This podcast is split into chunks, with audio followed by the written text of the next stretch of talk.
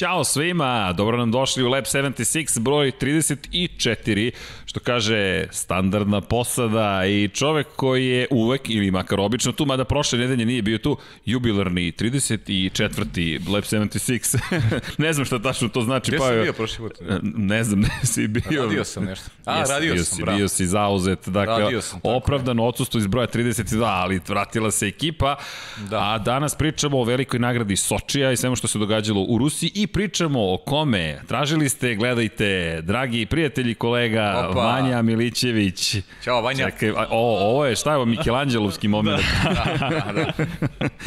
U svakom slučaju želimo vam dobrodošlicu, ekipa je spremna, dakle, to je čovek koga često spominjemo i evo za one koji ne znaju, dakle, hidratacija je počela. Svaki put kada spomenemo vanju morate da popijete malo čega god želite, ali mi preporučujemo vodu s obzirom da je voda izvor života i zdravlja. O, pa ovaj najzdravije piće, definitivno. Da, ovaj podcast će biti onda veoma zanimljiv ako stalno Vanja, Vanja, Vanja. Evo već je četiri puta Da. spomenuo to namerno. Vidi, to je to. Pa, A, dopada mu se, Ja, dopada vidi, mu se pažnje. Zvali smo pravog čoveka. Da, Jel, da. čekaj, gledaš NFL podcaste možda?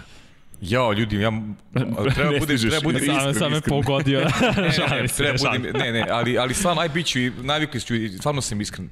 Ne, ne kapiram sport, zaista. Iskreno vam kažem. Ništa. Ja, je vas pošteno. dvojicu po- poštujem mnogo, stvarno, ja sport ovaj, stvarno ne, ne kapiram i onda mi je to teško da gledam jer, jer ne pratim, razumiješ? Sve jasno. Iskreno. Sve da, jasno. sve je to u Pošteno. redu i normalno. Što sad? Pošteno, Pa da. da, eto. Ali znamo Pošteno. koji sport kapiraš, a to je Formula 1. Pa jo, iza da. nas je jedan e, veliki trkački vikend. Možda trka nije bilo zbudljiva, ali mi smo takvi obožavaoci Formula 1 da uvek se nešto nađe. I kada je reč o ovom vikendu, ajde da, hajde da krenemo od pobednika. Dakle, Valtteri Bottas, pričali smo o tome da bi moglo biti njegov staza. Međutim, da sumiram nekako u brzini trku, trka se svela na dve velike greške Luisa Hamiltona pred sam početak. Da. Na činjenicu da je Bottas bio treći na startu imao priliku da napadne. Evo ga, Valtteri Bottas, dakle, čovek koji za mene, međutim, je jedan od utisaka razočaravajuće ponašanje po završetku trke, ali, pa evo, Pa, ti znaš šta, šta, šta se desilo? Šta se desilo? Čovek se meni obrada, umesto da razmišlja o pobedi u trci. Da. On se obraća meni. Ja stvarno mi nije jasan čovjek. I jel misliš da je subscriber? Moramo da provjerimo na Infinity Lighthouse. Gleda, ja gleda garantovan. Sigurno mu je stalo do pajnog mišljenja. Ve, Ma gleda Toga gar- noći jede, 100%. Slažeš ti? da. Ja sam znao da ima nešto, a pazi čovjek umesto da, ra- da se raduje deveta pobjeda u karijeri, Tako je. on razmišlja o mojim komentarima.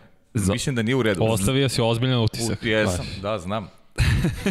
Za one koji nisu pritom ispratili. pobjeda, pritom pobjeda ko pobjeda, da nije bilo te kazne Luisa Hamiltona, znaš, on Da li bi se desila pobjeda? borio se sam sa sobom i ok, izborio se svaka čast. Ali ajmo da krenemo, ajmo da krenemo od toga. Dakle, za oni koji eventualno nisu pratili trku, topla preporuka, ispratite reprize na sport klubu. Dakle, Paju bio si samo ovog vikenda, bilo je napeto, Pa i ti si, ali da, na motorima, da. Razbolio nam se kolega Aleksandar Đankić, ove godine se tako preklapaju kalendari da kad jedan od nas ispadne iz šina, sistem ide na svoju neku... Nema sistema, onda. jedan od nas kad ispadne šina, ostanem ja. E, čekajte, pitam, Kad god jedan nas ispadne iz šina, ostanem ja. To je neverovatno kako ste namestili. Računajte na mene. e, čekaj, dobro ti majice da skrenem pažnju sa majica, te je, teme. majica je fenomenalna, stvarno. Znači, od, od, sad, od sad samo u ovome radimo podcaste, dakle, Lab 76 ra, radimo, stigle. radimo na sebi, znači, to Da, je to. da, pa to je ono što smo i obećali, dakle, malo nam se kosmos izmestio, ali ideje i vizije su uvek iste, 76, e, stigli su i neke nalepnice i svašta se nešto događa. To je super. Jeste, ali, ali lepo je biti u novom ruhu, Vanja nas je malo bojkotovao. Pa dobro, drugi put, drugi put. Pa znaš To zašto? Ali čekaj, buntovnik. čekaj, šta si rekao, zašto nosiš tu Zbog boju? Perez. A? Zbog Pereza? Racing Point, da, bio je dobar. Bio je stvarno dobar. Vanja je pratio trku i pripremio malo, se. Malo, Malo, malo se pripremio. Vanja je malo u James Dean fazonu, znaš. U skladu s godinama. buntovnik, malo, znaš. to ne, da. ne, Skladu s bi da se, godinama. ne, neće da se kalu, neće bude u kalupu kao što smo ti. Da, da, to je to. On je malo- Dobro, to je okej. da, da, pa za one koji ne znaju, zapravo Vanja je bio čovek koga su tražili. Ti si ovde on popular request, dakle gledalci su tražili da upoznaju tog čuvenog čoveka iza kulisa i pričat ćemo tebi. Ali ja sam napravio veliku grešku, izvinjavam se, moram da nas vratim malo unazad. Pre nego što krenemo sa ozbiljnim stvarima, jedna od najozbiljnijih stvari, točak Carlosa Sainca. Dakle, da. sad ću stvarno da ozbiljnim stvari, molim sve koji su u mogućnosti da, da podrže akciju, dakle na koji god možete način, da pričate o tome, da učestvujete u aukciji, Martin Nać, naš kolega i prijatelj, inače bivši mehaničar ekipe Toro Rosso, je ovaj točak dobio na internoj aukciji dok je radio Toro Rosso, ovaj točak s bolida Carlosa Sainca 2006, iz 2016. godine. Dakle, ne šalimo se, ovaj točak sa bolida Formule 1, trenutno je u studiju kod nas, međutim, pojenta je što Martin dao ovo na aukciju na Limundo i mi podržavamo akciju. Dakle, stavit ćemo link, Vanja, to moramo da uradimo sada, dakle, često spominjemo linkove, ali sad mora link da ide ka Limundo, došli smo do nekih 70.000 dinara, poslednje što sam ja ispratio, vidjet ćemo, dakle, da li se nešto promenilo, 70.000 dinara je najnovija ponuda, dakle, to oko 550 evra, šta god možemo da učinimo, ljudi, do narednog ponedeljka, danas je 20. i koji, 29. september, 29. dakle, to će biti, sad ne mogu ni da se setim koji je, 5. oktober. Da. To će biti 5. oktober u 12 časova, se na Limundu završava akcija.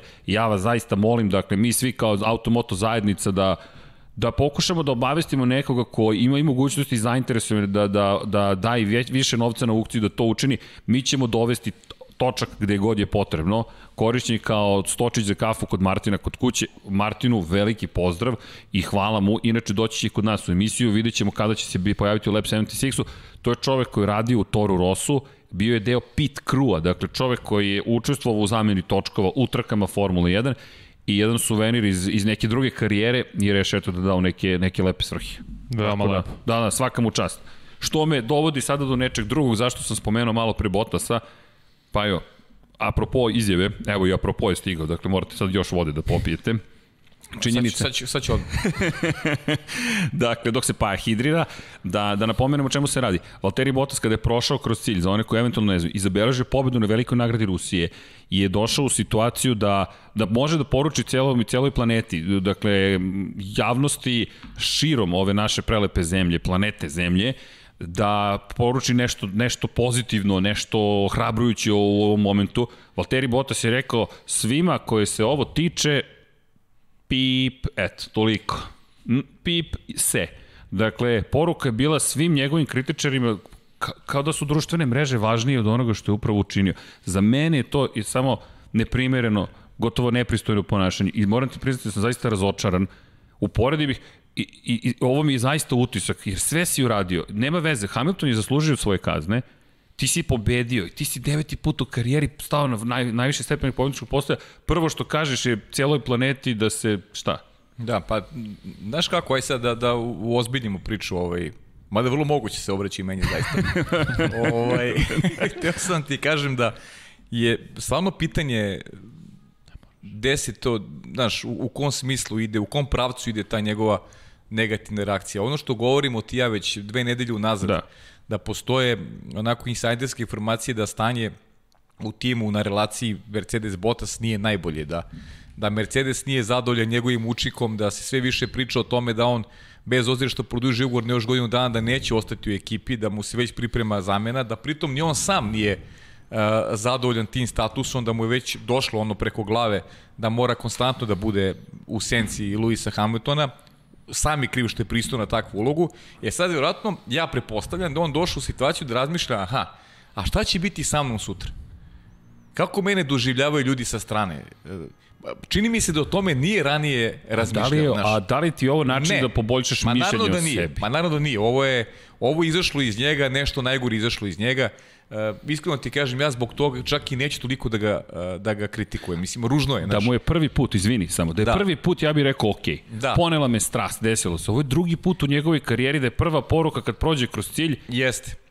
Da. Isk, iskreno ti kažem, ja imam negde razumevanje kao, mislim, svi smo mi negde ljudi ljudi sporta, znaš, Vanja se bavio sportom, svi smo se bavili nekim sportom, uh, manje uspešno da smo bili uspešni ne bismo sedeli ovde, nego bi bili, znaš, bavili bi se sportom i dalje, razumeš, ili bi kapiraš. Surovi pa ja, ne, iskreno, da, da, iskreno, iskreno, iskreno, kao i uvek. Ali samo ti kažem, uh, uh, ali to, to, to čime smo se bavili, kad igraš Jasne. i rekreativno, ja znam po sebi, recimo, kad igram rekreativno, hoću pobedim, hoću da ubijem na terenu, po znacima navoda. Znači, volim da pobedim i u stanju su uradim sve da pobedim. Kad se završi, kad se završi meč, glave se vrlo brzo ohlade i onda s ljudima s kojima si igrao, znaš, možda komuniciraš normalno, da, da im pružiš ruku, da im čestitaš, to je popo... Znači, znaš, te reakcije izrečene odmah po, po završetku e, nekog takmičenja, neke trke, znaš, ne uzimam ih toliko zdravo za gotovo. Kako bih ti rekao? N nije lepo. Zaista nije lepo. To, ta vrsta obraćaja nije lepo. Ali ja iskreno ti kažem, verujem da se on i kaje što je tako nešto rekao odmah po završetku trke. Poneli su ga emocijama. E da, ja mislim da frustracije idu mnogo dublje, znaš, da idu mnogo dublje iz razloga koji pokušavam da shvatim priču i mislim da ima da ima priče negde onome e, što sam rekao na početku izlaganja da da se tu nešto dešava na relaciji Mercedesom pre svega, a onda da ne idemo dalje. Ja mislim da on ne zna u stvari šta će biti sa njim sutra. Ja mislim da napokon krenu da misli za sebe, o sebi pre svega. Da počne da brine za sebe, ne bude konstantno broj dva čekim. Onda je pomisli mogu ja ovo i kad je pobedio, prosto je sve napokon izašlo iz njega. Da. Moguće. Ja nemam problem s tim, iskreno. Da sam te da te pitam, kako ne, ti gledaš ne. na to? Meni je drago što je on napokon kazao, ne baš mora tako da se izrazi, ali Da. mi je drago što je napokon rekao ja, kao, mogu ja ovo. Ne, ja, i, i, Meni ja, se i zato ja to isto, sviđa. Isto ti kažem, nemam ništa protiv emocije, pa makar bila ona zvučala onako malo kako kažemo ružnije, ono, znaš, Agresivnije. o- agresivnije obraćanje, kao nije nije prilagođeno uh, nekim ono na, najmanjim uzrastima, znaš, ono, da, da čuju neki, Ne, ne, i neku psovku i tako dalje, ali isto, ka, isto kažem, A mi se sviđa volim, ta strast. Da, e, volim da vidim, volim da vidim emociju. U, u svakom poslu volim da vidim kad neko ima emociju, da ne bude, znaš, na, ne, navikli smo na Bottas da je neko bezličan, da on uvek sve E, upravo to. pobedio, ne pobedio, nema reakcije i treba da misli na sebe, da, da, da misli o šta će biti sutra, šta će biti sa mnom sutra. E pa vi koji mislite da sam ja, znaš, Pa je. vi koji mislite da sam Ikebana, vi koji mislite da sam Ikebana, Da, da. pa onda Da, te inače, se, da, da otkrijemo ideo iza, iza Da. kulisa. Dakle, dok je Vanja ovde za stolom, Dom Pablo je novi član ekipe. Dom Pablo, ko, da. da. Dom Pablo rekao je da moramo da mu persiramo. E, Dom Pablo ne zamerite ukoliko vam ne budemo persirali, dakle, ali to su zahtevi. Mi ćemo režija kada kaže mi moramo da slušamo. Inače, kadar ja pričam, nisam u kadru. Isključiti mikrofon. Tako je. Moć je tamo negde iza kulisa.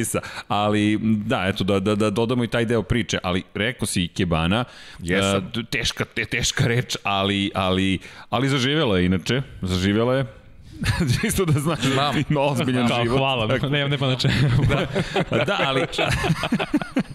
to je Vanja, to, to ti si kriv, da, ti si kao režija podržao celu tu priču. Ali da, e, meni je teško to da izgovorim. Dakle, možda sam ja samo nežan za ovim stolom, pa meni i to njegova izja. Znate šta je meni tu teško da prihvatim? Imaš 31 godinu. Ti si već čovek koji je dugo u ovom poslu. Ovo je posao. Dakle, ako razmišljaš o sebi kao broju 2, meni deluje kao potez nezrele osobe. Dakle, da, pošto, slažem se, pa super si rekao, emocije, dajem ti emocije, evo, ovo, ovo su moje emocije. Ali znaš kako mi to izgleda? Već si jednom to rekao. A, ako tada nisi naučio, ili tad je bilo okej, okay, ok, izbila je frustracija, pobedio je, pokazao nam je svima. E, Pre ljudi, koliko je to bilo? To je bilo prošle godine, ako se dobro sećam, u Australiji. Aha. Pazi, to je početak sezone. I to je, svi sumnjamo u njega i on dolazi za počinje sezonu, bom, evo vam pobeda. U Albert Parku.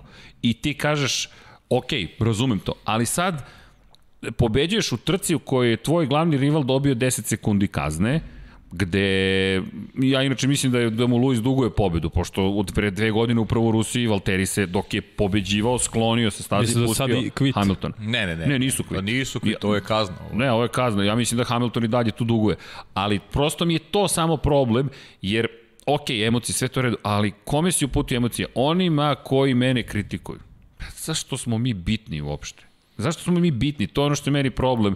Da li ćeš ti sad, da li, evo ti si šef ekipe i kažeš, ok, Valtteri ovim skoči u mojim očima.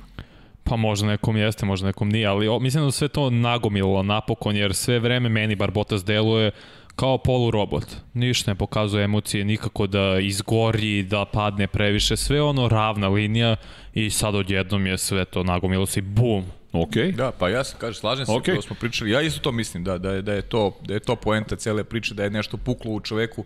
Svi mi smo, naš, svi mi imamo Nijemo te karakteri trenutke. smo, Da. znaš, ono, ovakvi, onakvi, ali jednostavno u jednom momentu čovek, čovek eksplodira, čovek pukne. Ja volim da vidim emociju. Pomenuo si, izvini, malo pre kada izađeš na teren, jel padaju kad vi igrate, kad ti igraš basket, jel padaju psovke, jel pada... padaju, naravno. Ja, Padaju, ne, ja prihvatam sve fizički, ali ja ništa ne govorim. Ja samo Ovo je sta- najopasniji, sta- pa stavljam, ti se da, da. najviše plašim Da, što ja, ćuti. ja, ja, da, ja da. Iskreno. Ja, Ja ja, da. ja ne, ali zato fizičk, fizikalno se igra. Nemam problem s tim i čutim Ja, i ja, pobeđujem. ja, volim, ja volim da mi se kaže. Ne zameram nikom ko mi kaže, Isto, znaš. isto.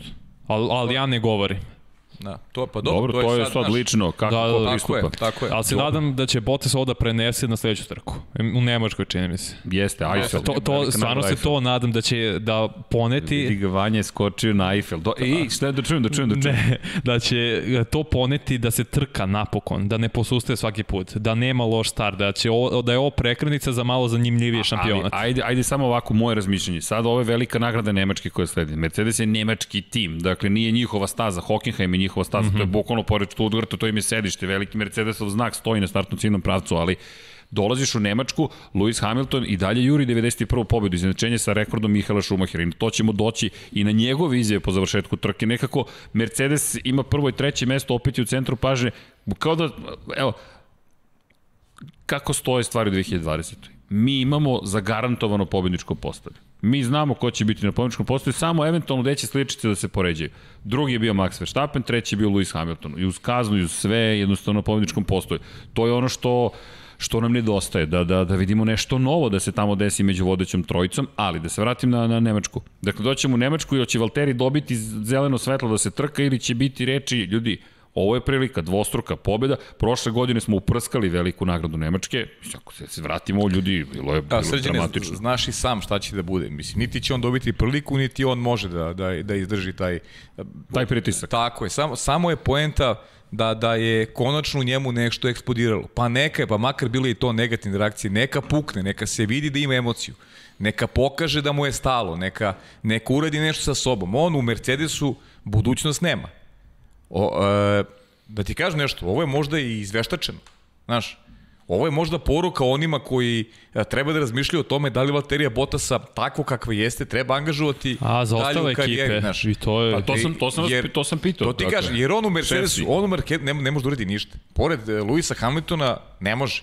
Prvo, iskreno, on nema ni kvalitet da se da ugrozi, da, da sad ne misle navijači Luisa Hamiltona, mi uh, unižavamo Luisa Hamiltona Ne. sa pričom o tome da kao Bota se njemu sklanja. Ne, on ne može da pobedi Luisa Hamiltona i Luis Hamilton duplo bolji vozač od njega. Da, I to je ali- suština cele, ali isto I u tim tako. redkim situacijama kad je Tako je. pobedio, Tako je, dobija, tako je, dobija te priče pomozi levo desno, ali on prihvati ulogu, ulogu drugog vozača. E i sad je došao u situaciju da se bliži kraj i da kaže čekaj, šta će biti sa mnom? ti si ubeđen da će Gde se oni ja? na kraju sezone. Meni je to... A ja, ja mislim da hoće, ja, meni sve upućuje na to, znaš, meni upućuje sve na to da će doći do nekih novih stvari u ekipi Mercedesa Ja mislim, i da je to ja mislim da će ostati još jednu godinu. Da će od 2022. kad se sve bude menjalo, onda preseći i promeniti. Pazi, oni Ali ugovor gde- 2021. Mislim, Da, da, nije da. sporno. Pa imao i Sergio Perez do 2022. Ništa ne znači. Bukvalno ništa ne znači, imao čovek ugovor i evo, odlazi. Mada pohvale, četvrti je bio na cilju, dakle pohvalimo Serhije Perez. Ma, a, hajde da, da spomenemo Maxa Verstappena, ali već kažem, to je već sada standard, dakle ako završi trku biće prvi, drugi ili treći, sve trke koje završe prvi, drugi ili treći i ostale Jeste. tri nezavršene Pa je. Samo Honda nije bila pouzdana u nekim situacijama i to, to, to je sad ona priča vezana za Hondu. Da li će Honda produžiti e, ugovor sa koji ističe na kraju 2021. To ne smo da zaboravimo nikako. Dakle, ugovor Honda i Red Bulla završava 2021. godine. Šta će biti dalje? Ima tu nekih izjava koje nisu baš do kraja najjasnije. Tanabe koji je onako ostao zakopčan u svojoj izjavi, kao vidjet ćemo nismo pričali, pričat ćemo, znaš, baš mi te Red Bull ostaje, to znam. Red Bull ostaje, to znamo, ali šta će biti sa Hondom, pritom Honda koja po znacima navoda ucenjuje e, Red Bull sa, sa Cunodom, žele Cunodu pod obavezno da vozi za ekipu Alfa Tauri naredne godine. Tako da tu se igraju neke igrice izvan staze, e, pritom e, naravno da ima Red Bull problem sa Maxom Verstappenom, znamo z njegove klauzule. Ovo je dobar rezultat naravno i malo im je pao teret sa leđe posle ona dva otkazivanja. Drugo mesto je vrlo korektno, vidi se da je Max zadovoljan i to je mnogo bitno za neku budućnost Red Bulla i Maxa Verstappena. E, kad već pominješ Red Bull, dakle, evo mi smo prošle nedelje smo pretprošle zapravo nabavili, dobili smo majice potpisane Luisa Hamiltona i kačkete. Htio bih reći za Red Bull, ali smo došli i na Mercedes. Ajmo da, da idemo do Red Bulla. Red Bull majica. Don Pablo, možemo ovo Pavlov, uh, Pavlov, Pavlov, Pavlov, Pavlov, Pavlov kadar. Evo ga tamo. Ono je poklon za neku devojku. Dakle, prva devojka koja nam se javi, čekaj da im prstu da može tamo negde da usmeri. E, e to. I- i- dakle, mene. majica, to je ženska majica.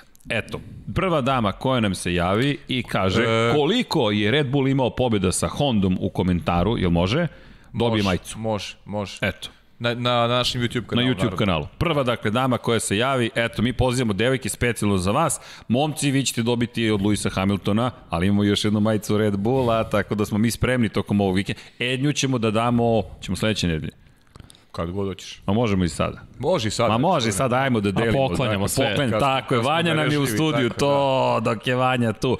Dakle, ali ajde da, da vas taj teramo da slušate još malo. Hoćeš da, hoćeš da rašio majicu da bude. E, da, kako to izgleda? E, to je starija majica, ali nadam se da ćemo se i dalje dopasti. To smo Ali našli u našoj arhivi. Pa prilično je dobro, lepa ja. meni, Dobra meni se lepa dopada. lepa I, I to me dovodi na... Ako se ne javi, tu ću ja da znate.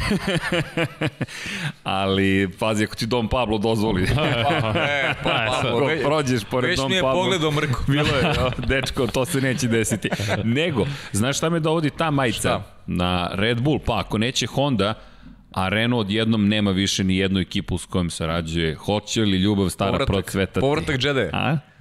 Ko zna, mislim, nije nemoguće. nije nemoguće. Da. Renault Nisam razmišljao o tome, imaš ti, tako ti se javi neka ideja. Imam to malo. Da, da, imaš to malo, da, da, interesantna ideja, moguć, Pazi. moguć, pa mislim, znaš, ako ostanu bez, bez Honda, a oni su tu u Formuli Tu su. 1, mislim da je Renault jedina moguća opcija. Red Bull je potpisao Concord sporazum, Da, da, da, da, ostaje jasno, pet jasno, godina. ostaje pet Moraš godina. da ostaneš sad s kim ćeš. Da, da. Znaš, što mi opet dovodi za sledećeg, ako neće Honda, znaš koga će onda Alfa Tauri da dobije prvog? Odmah da se rađuje sa Renaultom. Ajde vi da testirate za nas i onda da nam javite kakvi su Kako to je, da. rezultati. Franc, vidi, molim te, reši ovo. Javi nam sutra kako izgleda taj Renault. Bukvalno, dakle, Franz Tost, inače šef ekipe, je čovek koji je ekspert za te stvari, da razvija mlade vozače i da testira nove delove. Dakle, novi motor, novi menjer, samo mu dajte Ferrari, Renault, Honda, ta, Tag Heuer, kako god da se zove, mi ćemo to da rešimo, nemojte ništa da brinete. Ali da, da, da se vratim da Maxa, Max druga pozicija standardno već, dakle ne može da ugrozi Mercedes osim kad se Ne, desi kazna, Znaš šta je? a, a tu je. Druga, ona, druga krivina i onaj start trke. Ajmo start trke. Dakle, Vanja, izvini malo, pa ja otimamo, E, slobodno. ali doći ćemo do tebe. Dakle, ti si nam važan gost. Da ne samo na emotivnom nivou, već i kao neko ko zaista, zaista pravi, prati Formulu 1. Ali ovo, ovo malo zahteva samo da, da se posvetimo E, Jedno čekam čujem analizu na dubljem nivou. E, pazi sad ovo, start trke. Prva pozicija, Lewis Hamilton.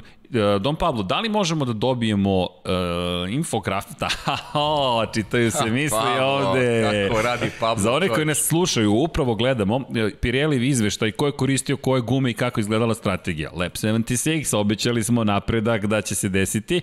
Dakle, pa jo, treba TV bliže da se... Ne, ja stavim naoče. Clark Ne da Kent ubacim moment. Clark Kent, jest, Okej. jest, jest. Dakle, Ne mogu da Hamilton... poletim, ali mogu da gledam. vidi, ali svi letimo u kosmosu. Da. Dakle, kada govorimo o strategiji i kada govorimo o startu, Hamilton kreće na making gumama, Dakle, pozit, pol pozicije. Drugo startno mesto, i to prijatno iznenađenje, Max Verstappen na srednje tvrdim gumama, žutom bojom obeležene, Bottas na srednje tvrdim, treća pozicija. Čak se priča da je Bottas zapravo namerno pustio gas u kvalifikacijama kako bi zauzeo što bolje startno mesto. Kada govorimo o startnim pozicijama, parne pozicije su lošije. To je sa desne strane staze, s leve strane staze je, je mnogo bolje prijanjanje. Bottas je bio treći, Čeko Perez, iako imao loš start na kraju, završio trku na četvrtom mestu, krenuo na making gumama. Daniel Ricardo je bio peti na startu, tako je završio trku. Leclerc, Charles Leclerc u Ferrariju tek 11. i doći ćemo na Ferrari, o tome tek imamo da pričamo. Vanja, imaš nešto da kažeš? Ne, u glavu me boli s Ferrari. Sve si čuo. A bukvalo me glava boli A za koga Ferrari. navijaš, izvini? Za Ferrari. Za La Ferrari. Dobro, dakle pričat ćemo o Ferrariju, ali da ispoštujemo Okon, dakle Okon koji je krenuo sa sedmog mesta, Na making gumama lako možete pogoditi ko je bio među najbržim u kvalifikacijama, ko je koristio potrošene, to je korišćene gume, to su isprekidane linije i naravno ko je imao meke gume, uglavnom su to ljudi koji su prošli u Q3. Gasly odatle krenuo, dakle Pierre Gasly sa devete pozicije i Alex Albon je bio na desetom mestu na startu, međutim Alex Albon na kraju završio iza Pjera Gaslija i to u direktnom duelu i ono što je zanimljivo iza Danija Kvjata koji je 12. bio na startu trke. Dani Kvjat, pričat ćemo o njegovoj strategiji, vrlo interesantan. Međutim, start. Kreće Hamilton, dakle, idemo ka toj krivini broj 2 i šta se događa? Događa se da Valtteri Bottas zapravo savršeno koristi priliku da se napadne sa spoljne strane, Max Verstappen ide neki svojim putem i Max izleće tamo sa leve Da, strane. šta se tu desilo? Pazi sad ovo, pred Ma Michael Masi, direktor trke, je rekao nekoliko stvari. A inače, pre početka trke, da se dotaknemo Hamiltonove kazne, je rečeno u četvrtak na debriefingu vozača da probu starta moraš da radiš u onom proširenom delu na izlasku iz pit lane-a. Međutim, Hamilton je u krugu za pripremu pitao ekipu gde, da li može da proba na drugom mestu. I ekipa je rekla, važi, ok, možeš tamo da probaš. Što, što nije dozvoljeno. I Michael Masi je rekao, Hamilton se pitao tokom trke koje pravilo govori da ne sme bukvalno debriefing za tu konkretnu trku, kao što vas upozore na nekim drugim mestima. U Muđelu su rekli nećemo vas kažnjavati ako siđete sa staze, pošto idete u, u šljunak, dakle kazna je automatska, izletećete, to jest okrenut ćete se, na drugim mestima vam kažu pred početak trke šta nije dozvoljeno. U Rusiji su rekli to nije dozvoljeno.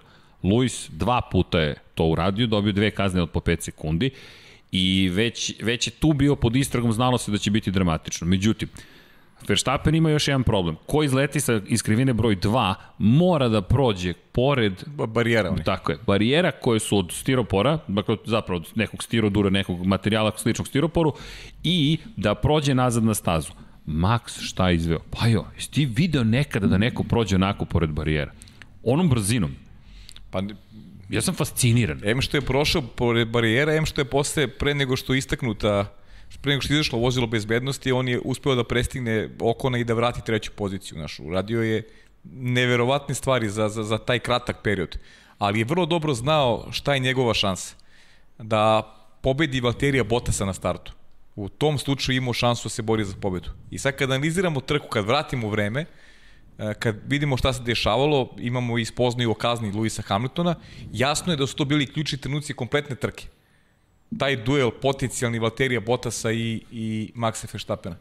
Jedino tako je mogao Bot, jedino tako je Max mogao pobediti Bottasa. Da ga je pobedio tad na startu trke, ne znam da li bi pobedio u trci, to nikad mm -hmm. nećemo ni saznati, ali je na taj način imao šanse. Imao i prednost. Je, imao je, Valtteri Bottas, čist vazduh ispred sebe, kad je otišao, kad je dobio kaznu Lewis Hamilton, apsolutna kontrola, kao kao što bi Lewis Hamilton kontrolisao trku do kraja, ne bi mu niko mogao ništa, tako i Bottas iskoristio čist vazduh koji imao pred sobom i pobedio lagano, nije mu mogao ništa Max, to je bilo evidentno, samo je rasla prednost iz kruga u krug i nije bilo dilema ošto oko toga ko će pobediti. Tako da je Bottas ispostavilo se, ključna stvar je bila taj duel koji je, Max je bio agresivan, napravio grešku krivini 2 je to što si rekao zaista fantazija.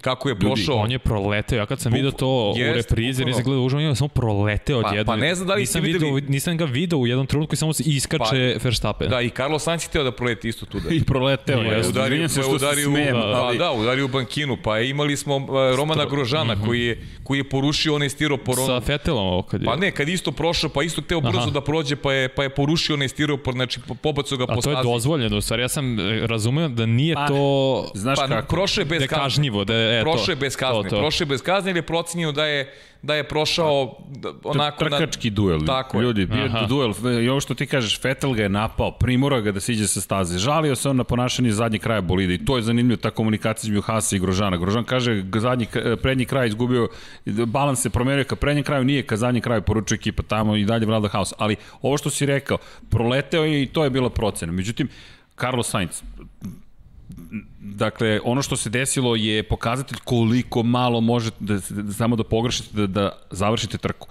Max Verstappen je zato mene oduševio. On je ljudi prošao na milimetar je prošao. Jedno tamo gde je mogo. Tako je. Ali šta je problem za, za, za Carlos Sainca? Carlos Sainz koji je imao dobar inicijalni start i koji je primoran da siđe sa staze, koji je pod uglom išao i onda je morao da skrene. To nije bilo izvodljivo. Dakle, Max je došao ovako, a sa desne strane pod, pod mnogo oštrim uglom je zapravo došao došao Carlos Sainz Carlos. i udario u zid. I to je bila skupa, skupa kazna. Ali Carlos je rekao, ljudi, deša, desit će se greške tokom sezone. Ovo je ta moja greška. I Carlos Sainz dalje dobro, vrlo je stamen, drži drži glavu na ramenima. Ono što me iznenadilo jeste samo da se nadovežemo, to je prvi krug Lando Norris koji je prokomentarisao šta radi Carlos. Pokušava da bude junak u prvom, u prvom, u prvom krugu. To me iznenadilo pošto nikad nismo čuli do sada da komentariše da, jedan da, drugog. Jedan drugog, da. Pa, Ali... Pa dobro, znaš kako, ajde.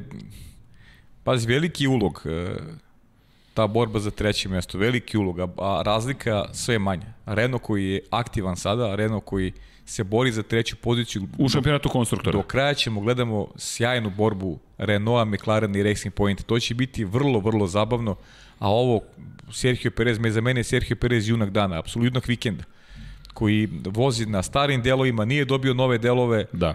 bio je bolji od Lensa Strola i tokom kvalifikacija, odvezao perfektnu trku, četvrto, rekao sam u petak, imao sam neki osjećaj u petak da Sergio Perez šalje poruke jer e, nezadovoljstva, da tim krije neke stvari od njega jer, jer želi, imam utisak da se oprosti, da se baš zainatio ako smem taj termin da upotrebim, da, dođe, da napravi nešto veliko do kraja svoje odiseje u, u, u Racing Pointu i neko verujem da će Sergio Perez biti taj koji će ponovo uh, dati ekipi Racing Pointa neki podijum do kraja do kraja a, svojih e, učešća u, u, u tom timu, u timu koji je svoje vremeno ispasio uz pomoć Carlosa Slima i tako dalje, tako dalje, to je već priča koja je poznata, da se Ali, ne ponavljam. E, izvini, kada govoriš o, o, o Perezu, da li te podsjeća na Nika Hulkenberga u Renaultu prošle godine? Kada je dobio otkaz Niko koji je odjednom na nivou Daniela Ricarda. Ali znaš kako, meni Sergio Perez nije ništa odjednom, znaš, meni je Sergio Perez jednostavno, sezona je bila ok dok nije, dok nije dobio COVID. Ko, dobio COVID i onda posle COVID-a nije vozio dve trke posle COVID-a, sigurno nije bio u dobrom fizičkom stanju, nije dobro ni u psihofizičkom stanju od momenta kada je saznao u hotelskoj sobi je čuo razgovor uh, Lorenza Strola, znaš priču da je čuo da. razgovor, kroz zidove je čuo razgovor Lorenza Strola oko ugovora Sebastina Fetela, dakle on je čuo kroz, u hotelskoj mm -hmm. sobi kako njegov šef komunicira o ugovoru Sebastina Fetela, on nema pojma da odlazi iz ekipe, znači to je nešto, nije korektno prema nekome ko je obeležio epohu u toj ekipi i sve se to nagomilalo u Serhiju i onda dođemo u Rusiju, čovek sa starim delovima odveze perfektnu trku. Zainatio. Da. A, a, ajde, Vanja, kako ti to vidiš? Kao neko ko je, pre svega ljubitelj, dakle nisi komentator, dakle kako ti posmatraš, rekao si nosim boje Serhija Pereza danas? Jasno dušnje kako je Perez vodi, volim tako kad neko vozi kad se zainati, kad je, on, u njegovoj glavi je sve sad protiv mene. Ja ću sad svima vama, kao slično Bottasu, možda ne toj meri, da pokažem da ja ipak zaslužujem da ostajem ovde, ako neće ostati. Ja sam to tako gledao. Da, to je sad pitanje, da li će ostati, neće ostati. Priča se još uvek da postoji šansa da ga zadrži. A gde bi išao? Pa vidi, he, to je sad pitanje. Igranka. Evo, gledam Paju, ali znaš, znaš kako... Priča se o Red Bullu, recimo, da, znaš. Pri... Priča se o Red Bullu, priča se o svemu, da će Carlos Slim da kupi Haas tim, svašta se nešto priča. Da, mislim Haas, da će da ostane Ja mislim da je Haas, da, da je Haas njegova sledeća destinacija. Iskreno, dva razloga, dakle, tri ako hoćeš. Dakle, prvo imaš ozbiljnog sponzora, imaš moćnog čoveka u sebe. Carlos Slim je jedan od najbogatijih ljudi na svetu. Dakle, njegova podrška znači svakoj ekipi. I ne samo u kontekstu novca, već i veza koju imaš. Dakle, mi ne pričamo, mi stalno pričamo o novcu. Novac je negde merilo mnogih stvari. Ne bih rekao vrednosti, moći, gotovo sigurno u ljudskoj civilizaciji, ali ima još jedna bitna stvar. Dakle, Carlos Slim, veze koje posjeduje. Uticaj. Tako je, uticaj, bravo Vanja. E, to će biti jedna od tema, to mene zanima, tvoj pogled. Vratit ćemo se na Luisa Hamiltona, pa i na delove i priču o Racing Pointu, šta je sve spremio. Ali, Carlos Slim je moćan čovek. Dakle, imati ga za saveznika pomaže. I Kako ne? druga stvar, Haas, priča se već godinama da godinama sad da, da ne zna šta će sa timom Formula 1, ovo je prilika. To je kao ti imaš Pabla za saveznik, imaš jednog moćnog čovjeka za sebe. I za kulisa, I, tako i, je. To je to. Posebna, posebna veza. Pa to je to. Da, dakle, pod zaštitom. E, ali da, a, sad, apropo, Ovo sad namerno uhvatio sam Apropo, sebe, ali da, da, da, da hvala. Koristim pa, ja često. Dakle, malo da se ipak hidriramo. Da. Dakle, zamisli da čuješ Dom Pabla kako u sporednoj prostoriji priča o tome da ti više nećeš biti ovde ili da ja neću biti ovde. Dakle, to je, iako odmahuje Dom Pablo, to je nemoguće, ali tako su i Čeku rekli, hvala ti što si spasao ekipu, tako ti je. si super, trogodišnji jest, ugovor i onda, jest, opa. Čao. Dakle, mi ne volimo tu vrstu surovosti, to je ono što nam najveći problem, razumemo da je to biznis, ali Haas hoće da se proda i još jedna stvar, to je američki tim.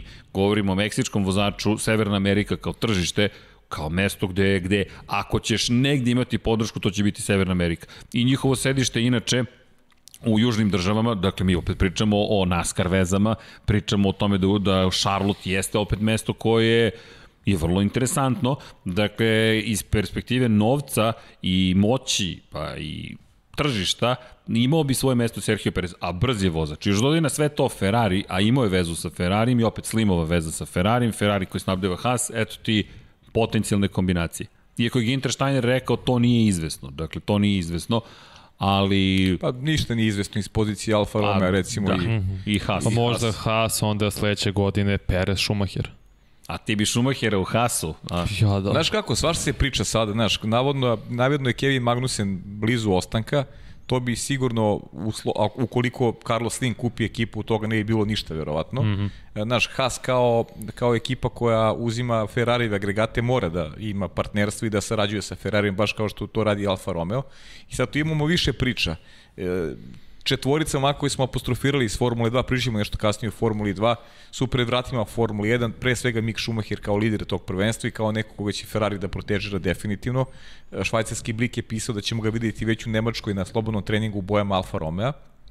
S druge strane, opet je danas procurala informacija koji je prvi preneo švajcarski blik da će Kimi Räikkönen sigurno produžiti ugovor sa Alfom dosta je sledeće godine i nije loše za, za Mika recimo, uopšte nije loše da možda vozi iz Alfu naredne sezone. Pa imao bi sjajnog mentora. I imao bi sjajnog mentora. Kimi Räikkönena, neko koga je e, Mihael Schumacher svojevremeno o, o njemu se izrazio vrlo pohvalno dok je, dok je testirao u Muđelu 2001. godine, zahvaljujući tom komentaru i stavu Mihajla Šumehera, uh, Kimi je bilo lakše da dobije posao za oberu, tako da bi ta relacija, meni se sviđa mogućnost da Više bih voleo recimo za Mika Šumahera da bude uz Kimi Rekonena nego da, nego da vozi u Hasu sa, ne znam, Nikom Hulkebergom ili Serhijom Perezom. Nije bitno, mislim da bi za njega bila mm -hmm. bolja opcija da stasava uz, uz Kimi Rekonena. Antonio Giovinazzi u krajnjem slučaju stasava uz Kimi Rekonena, ali, ali Antonio Giovinazzi nije taj ali kalibar. Mislim da je završio, ali izvinjam se, Alfa Romeo spominješ. Ajmo da, da spojimo nekoliko stvari.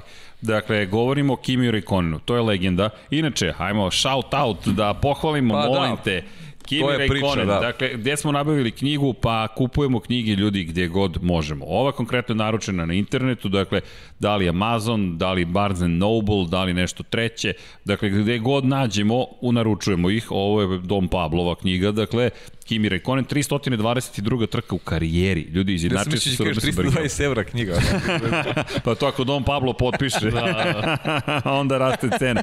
Da, i podsjetit ću još jednom, aukcija tamo pozadi na Limundu, dakle, da, na Limundu obavest, aukcija, obavest. dakle, to ćemo da pričamo i, i podržavat ćemo i druge akcije. Biće toga, dakle, nažalost, ali na sreću držimo se zajedno, ali Kimi Raikkonen, ljudi, 322 trke, kakva je to, ne, ne legenda, još takav čovek, dakle, os osoba poput Raikonena, inače pročitajte The Unknown Kimi Raikkonen, nepoznati Kimi Raikkonen, koji bi mogao da sedi dakle, sa Mikom Schumacherom, da mu prenosi svo to znanje i bio je nesebičan prema Đovinaciju, deluje da bi prema Miku Schumacheru, koji inače bio pobednik prve trke u Rusiji i treće plasiran u drugoj koji je završen incidentom, ali kao što si rekao, doći ćemo do toga. Mislim da ne bi, nema boljeg mentora u Formuli 1 od... Teško da možeš od, da nađeš boljeg mentora, da. dakle od toga, ali... Stradalo mi ovo zadnje krilo. Da, znam, ali, ali srećom se namešta, ali eto, tako kako se menjaju zadnja krila u, u, u studiju na kraju univerzuma, Pablo te gleda, čuvaj se, pazi, čuvaj se, Pablo te gleda, Vidim da nema obravu. paje sledeće nedelje. ja. Ubiće me Pablo. ali, ali neće čak ni biti iza vrata, ne nego će samo biti da, ima da, greb, da grebem povratimo. Da grebem povratimo. Ali htio reći nešto drugo. Alfa Romeo, zašto mislim da će pre Alfa Romeo? Don Pablo, da li možemo da dobijemo mi jedan zanimljiv e, kadar ako Evo, evo nečega sa, ako možemo... Stajanovač.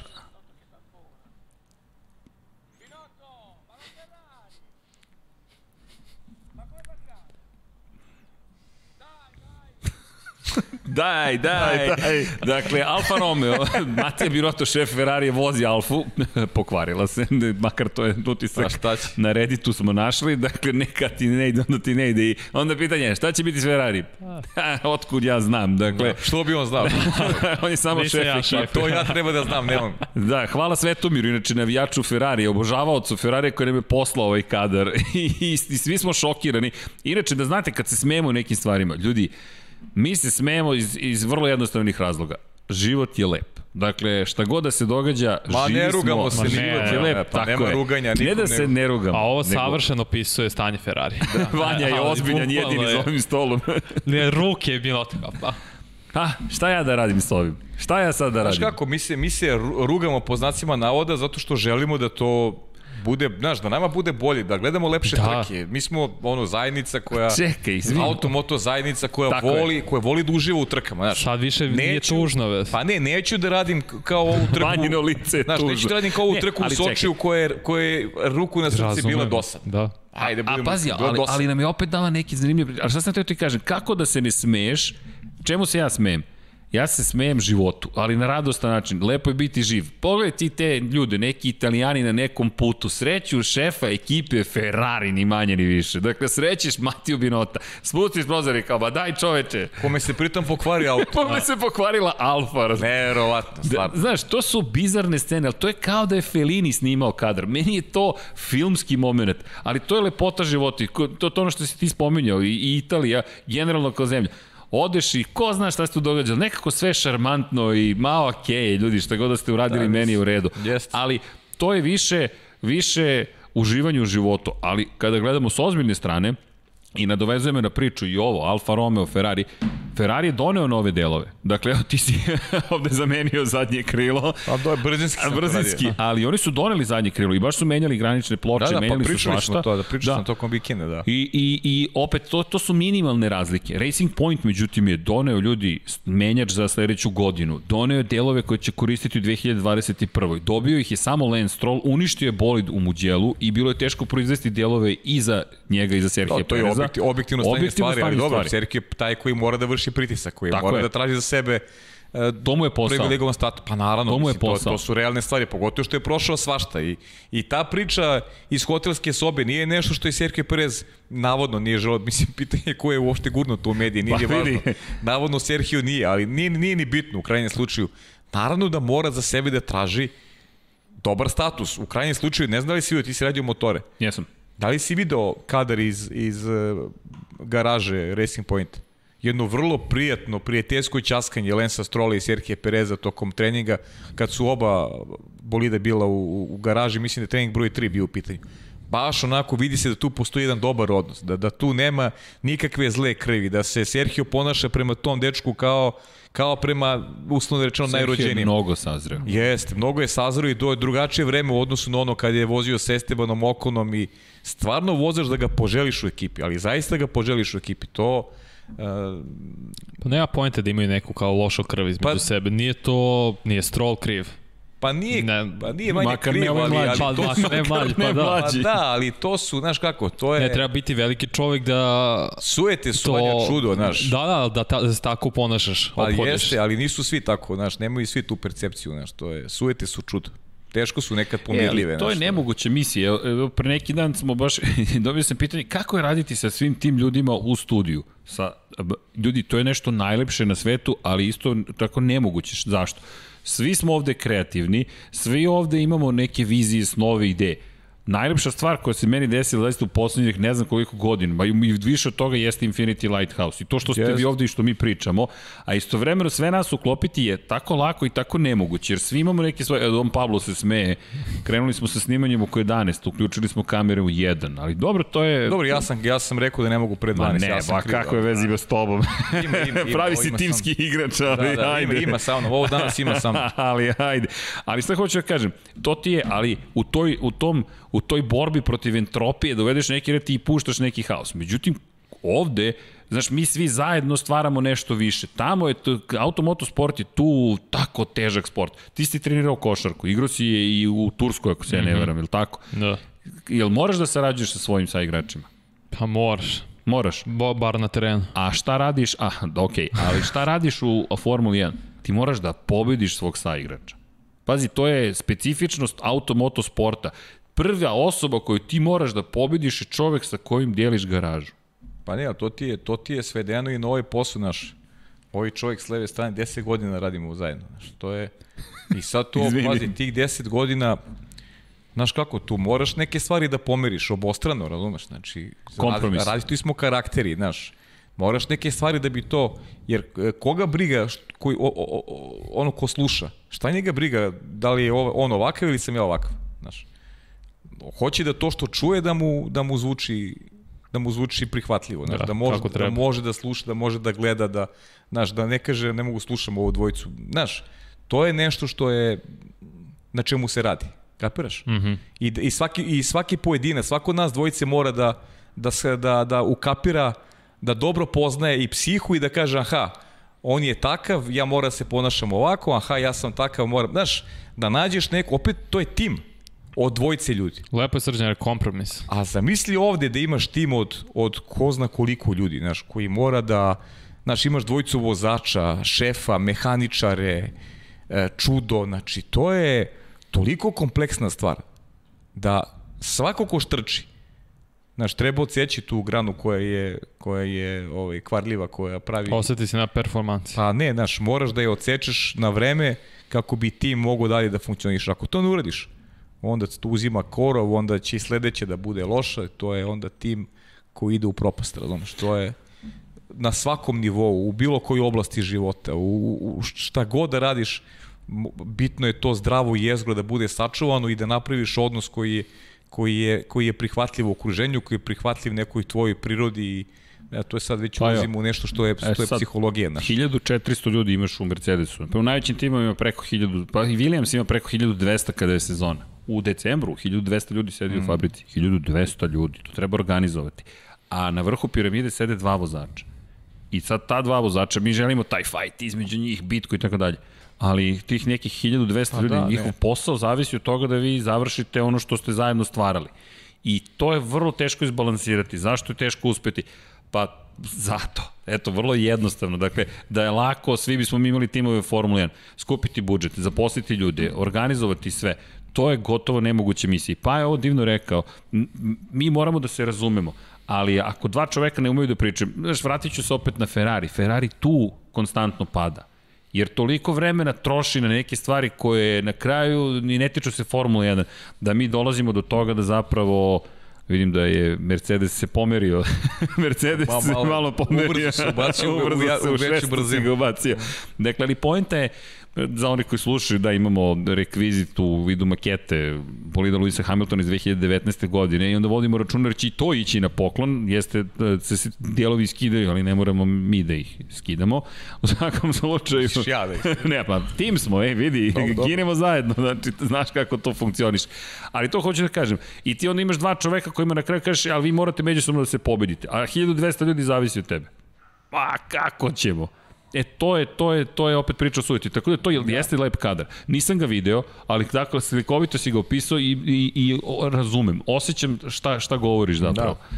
Ali da, Racing Point koji mora da sarađuje. Ovo što si rekao, McLaren 106 poena, Racing Point 104, Renault 99. A sam misli da, da ne sarađuju. Vi imate priliku, budete treći u šampionatu ljudi, pa to treba da, da bude cilj. Mora da bude, zašto, mora. Zašto mi se dopada McLaren? Pa upravo zbog toga što Carlos Sainz odlazi, čovjek ima ima status isti kao i Lando Norris, privilegovan da on je član tima i dalje je član tima. Poštuj čovjek koji je član tima, nema da ga gledaš ispod oka zato što je rešio da ide, ide sutra, on ide sutra. Pa danas budi prema njemu dobar, on kad ode sutra, poštuj ga i sutra, ali danas kad je deo tvog tima, pa radi, radi na tome da ima dobar rezultat, zašto će tebi biti dobro. Yes. Nemoj da ga unižavaš, nemoj da mu, da mu praviš spletke, nemoj da praviš od njega kako on lošije od timskog kolege, Ferrari, mislim Ferrari je posebna priča. To ćemo. To je baš onako up, sve ono što ostavljamo tebi, Vanja. Sve ono što što radi McLaren, McLaren recimo ne radi Ferrari i zato zato i sve izgleda ružnije. Da, McLaren koji je imao tešku trku, 15. pozicija za Norisa, nije završio trku Carlos Sainz, prva trka ove sezone da su bez bodova, ali iako je to loša trka bila, kvalifikacije su bile dobre. Videli smo novi nos koji podsjeća na prošlogodišnji Mercedes. Mercedesu, tako Vrlo je, da. interesantan da. razvojni put, dakle, zauzimaju. Po, počet ćemo polako da uvodimo i taj tehnički deo u sam podcast, dakle, kada govorimo, evo, stigle su majice, dakle, ljudi, kad nas vidite po gradu u majicama, Lab 76 je stigao, Dakle, kada govorimo o tim stvarima, to je, to je veoma bitan aspekt. Dakle, teško je napredovati, izvinjam se, a radi se iz, iz trke u trku. McLaren radi na tome. Samo ovoga puta prosto nije uspelo, ali zanimljivo da prate ponovo Mercedes i dovodi me do Renaulta. Zašto Renaulta? Daniel Ricardo. Odlazi čovek u McLaren. Da li je Renault odustao od saradnje sa Danielom Ricardo? Pa je odustao. Daniel Ricardo im je ključni čovjek u ekipi. Znači on je taj koji treba da im donese možda i tu treću poziciju. Saradnja fenomenalna. Reakcije Daniela Ricarda takođe. Pričat ćemo jednom detalju koji meni posebno bio uh, interesantan u trci, ali on je opet odradio maksimum. Četvrto mesto u Muđelu, sada je bio peti, možda je mogu za stepenicu više, možda je mogu da bude bolji od Serhije Pereza, nije, ali imam utisak da je ovo potpuno zadovoljavajuće za ekipu Renaulta. Završio top 5 dve nelje za redom. Dobro voze na, na različitim konfiguracijama staza, e, ekipa u usponu, fabrika u usponu, Ljudi, Ricardo to koristi, sve super. Mogu samo kažem da, a je, da li je lakše za te ekipe koji su uslovno rečeno manje, koji se ne bore Dobre. direktno za titulu da budu timski nastrojeni? Jer se bore da bude, zato što ako gledamo vozače Mercedesa, ok, oni očigledno obojca mogu da osvoje titulu. Verstappen može da osvoji titulu i zato nema više je podređeno sve njemu jednom. Znaš kako, nema univerzalnog odgovora. Dakle, to bi Me, treba... Ne, meni tako deluje, da je lakše zato što nemaju realno šanse da se bore za titulu jedan, pa moraju kao tim da budu što bolji da, i bolji. ali imaju drugu vrstu izazova, znaš, da budu bolji od nekih drugih timova Upravo to. da bi stekli možda jače sponzorske ugovore, da uzmu veću svotu novca kao Da bi mogli da bolje unaprede za buduće. Znaš, je, jer, jer, znaš, ti manji timovi opet imaju veći problem, teže žive, znaš. Jasno, da, teže da, pronalaze sredstva da preživi, onda je njima svaki dobar rezultat benefit. I onda Pa zato moraju javlja timski. Ta, pa da, ali opet imaju pritisak, znaš, jedna druga vrsta pritiska. Znaš, da opstaneš da budeš tu, da možda, da možda platiš da. plate radnicima, da možeš da Ali- preživiš, da, da napreduješ, znaš, to je druga vrsta pritiska. Ali, ali, ali o, o, o, povodom ovoga što ti sad spominješ Vanja, dakle, da li klubski kolege sarađuju tim manjim timovima? Htio da kažem, nema univerzalnog odgovora. Dakle, nemaš jedinstveni, da, da kažeš slučaj, ne jedinstveni slučaj, nemaš situaciju koja kaže, to, koja nalaže, to tako mora da bude. Dakle, evo ti par primjera. Racing Point pre par godina, Force India, bitka, bitka, nisu preživeli kao ekipa, na kraju su bankrotirali. Esteban Ocon, Sergio Perez, uništavaju jedan drugog. Iz trke u trku uništavaju jedan drugoga. Zašto? Zato što pokušavaju da pobede klubskog kolegu, da se nametnu u šampionatu i naravno da dokažu da oni zaslužuju sad svoje mesto. I to ti je sad taj balans šta stavljaš na prvu poziciju. Vrlo je to, to teško, nezahvalna uloga, gotovo nemoguć odgovor. Evo ti Pereza, stavio je ekipu rame uz rame sa sobom. I na kraju ostao bez ugovora kad se otvorila prilika da doveš Sebastijana Fetela. Fetel je četvorostruki svetski šampion. Pa, Već ime, bolji. Tako je. Sorry, pa okolnosti su se promenile. Tako da, znaš, nemaš savršen odgovor. Idealno bi bilo za Haas da sarađuju. Roman Grožan i Kevin Magnussen, samo što se ne tuku. A njima je kritično da prežive. Ali ne, njih dvojica non stop su u sukobu. Tako da volio bih da je idealistički pogled da kažeš da sarađuju. Ali... Pa Doro, Okon i Perez nisu, pa Force India više ne postoji. Iz- Možda i do, do, zato dovelo. Pa pazi da Pa su pobedili u Baku. U Azerbejdžanu, da, možda bi drugačija priča bila. Pa i Latifi da može da pobeđuje Rasela i, i tu bi bila veće trvljenje između njih dvojica, Tako ali je. prosto ne može, znaš. Kapiram, ne može, kvalitet ne mu može, pa, nije ne može, približan. nema, nema taj kvalitet da pobedi George Russell, ali znaš, u, u biti se svako, u, u biti je to pojedinačni sport, jer se svako bori za sebe, znaš. Suština je Jasno. malo drugačija, zato što zavisiš od nekog u garaži, zavisiš, zavisiš od podrške, zavisiš od ljudi, od ljudi s polja, znaš. Naravno, kad je veći ulog, više primećujemo uh, kada nisu snage izjednačene, kada, neko, kada se neko favorizuje. U ovim manjim ekipama se to manje vidi. Ali, znaš šta je bitno? Kako bih ti rekao? Uh, imam utisak da recimo da najbolji primer McLaren, da su tu negde dva karaktera, dva momka koje se poštuju, koji se negde vrednuju i izvan, uh, i izvan onoga što je uh, sportsko borilište. Jasno. Ima jedna mnogo lepa priča, to ćemo na kraju, podelit ću je vezano za NASCAR, pošto je NASCAR u jeku mm -hmm. pleo, pa ćemo dotaći i NASCARa impresije Kevina Harvika o tome kako se živelo nekada, kako sada. Mislim da, da mlađa generacija, ti si predstavnik mlađe generacije, pa je to možda, a, možda bolje ovaj, iz tvog ugla. Nekada se više gledali onako ispod oka naše rivali, bilo je više... To je u svakom sportu, ja isto imam taj da, osjećaj. ali, ali da, ja mislim da toga sad ima manje nego što je bilo ranije, znaš. Drugačije je sad, da. Da, da je drugačije, da je pričat ćemo. drugačije, da su, da su ljudi opušteni. Ajde. Jest. Ali ajmo Da, da- odmah da pričamo. Ajde, možeš, Koje si ajde. ti godište? Ja sam Izvini, tvoje. moje. Os, os, 85. Osam- 80 tvoje, 80 tvoje. ok, neka Šali se, ne, ma jobe, šali 72. Ba nemam šta krije, ja se šalim, 72. Ja 76. Ti si Vanja 97. Da. I smeješ se. ok, molim vas, Don Pablo neka ostane kadar na ovom omladincu koji se smeje. Ali jedna od lepih stvari jeste, hoćemo tebe da upoznamo, znamo da pratiš Formulu 1, za- ali tvoja mladost, kako ti posmatraš stvari, upravo ovo što je Paja rekao, nama je bilo normalno da nema tu ljubavi, nema saradnje.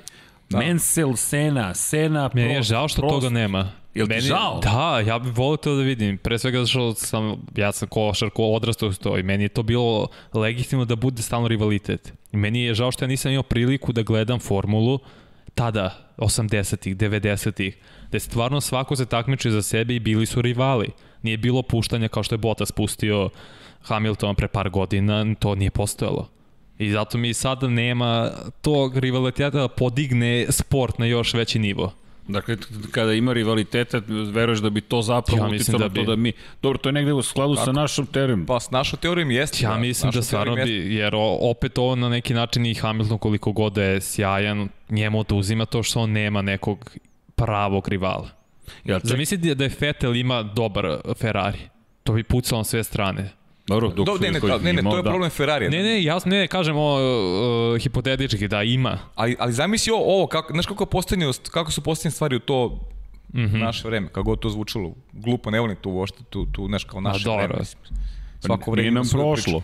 Ali pazi ovo, nije A, još ste dobri. zamisli, zamisli drugu priču, Mercedes je jak, ok, bio je nekad i McLaren najjači, ali McLaren imao uh, Dvojicu. dvojicu najboljih. E, u, to, to. Znaš, zamisli Fetela uz Hamiltona. Ja bi bio Potpuno- najsrećniji. Potpuno Da. drugačija dimenzija sezone. Ja bi bio znaš. najsrećniji. Dva vozača koji se bore, dva vozača koji se gleda ispod oka u garaži. To je ono što nam fali. Da. Da, e, mora da se vratim na tu priču Kevin Harvey. Kevin Harvey koji je Mhm. veliki šampion u NASCAR-u. 44 godine, ove godine ima najviše, 9 pobjeda ima ove Mlad godine. dečko. Da, najviše pobjeda ima ikada. Nikad nije imao 9 pobjeda u sezoni kao ove godine. Vozi sjajno. I Kevin Harvick je rekao, kad se pojavio u, u NASCAR-u, kaže da je to za njega bio pakao. Jer je ušao kao klinac koga su svi gledali kao novo lice, svi ga gledali ispod oka, kaže imao, imao je utisak da će da ga biju. Da niko Naravno. nije bio raspoložen, da nije, niko nije bio druželjubiv.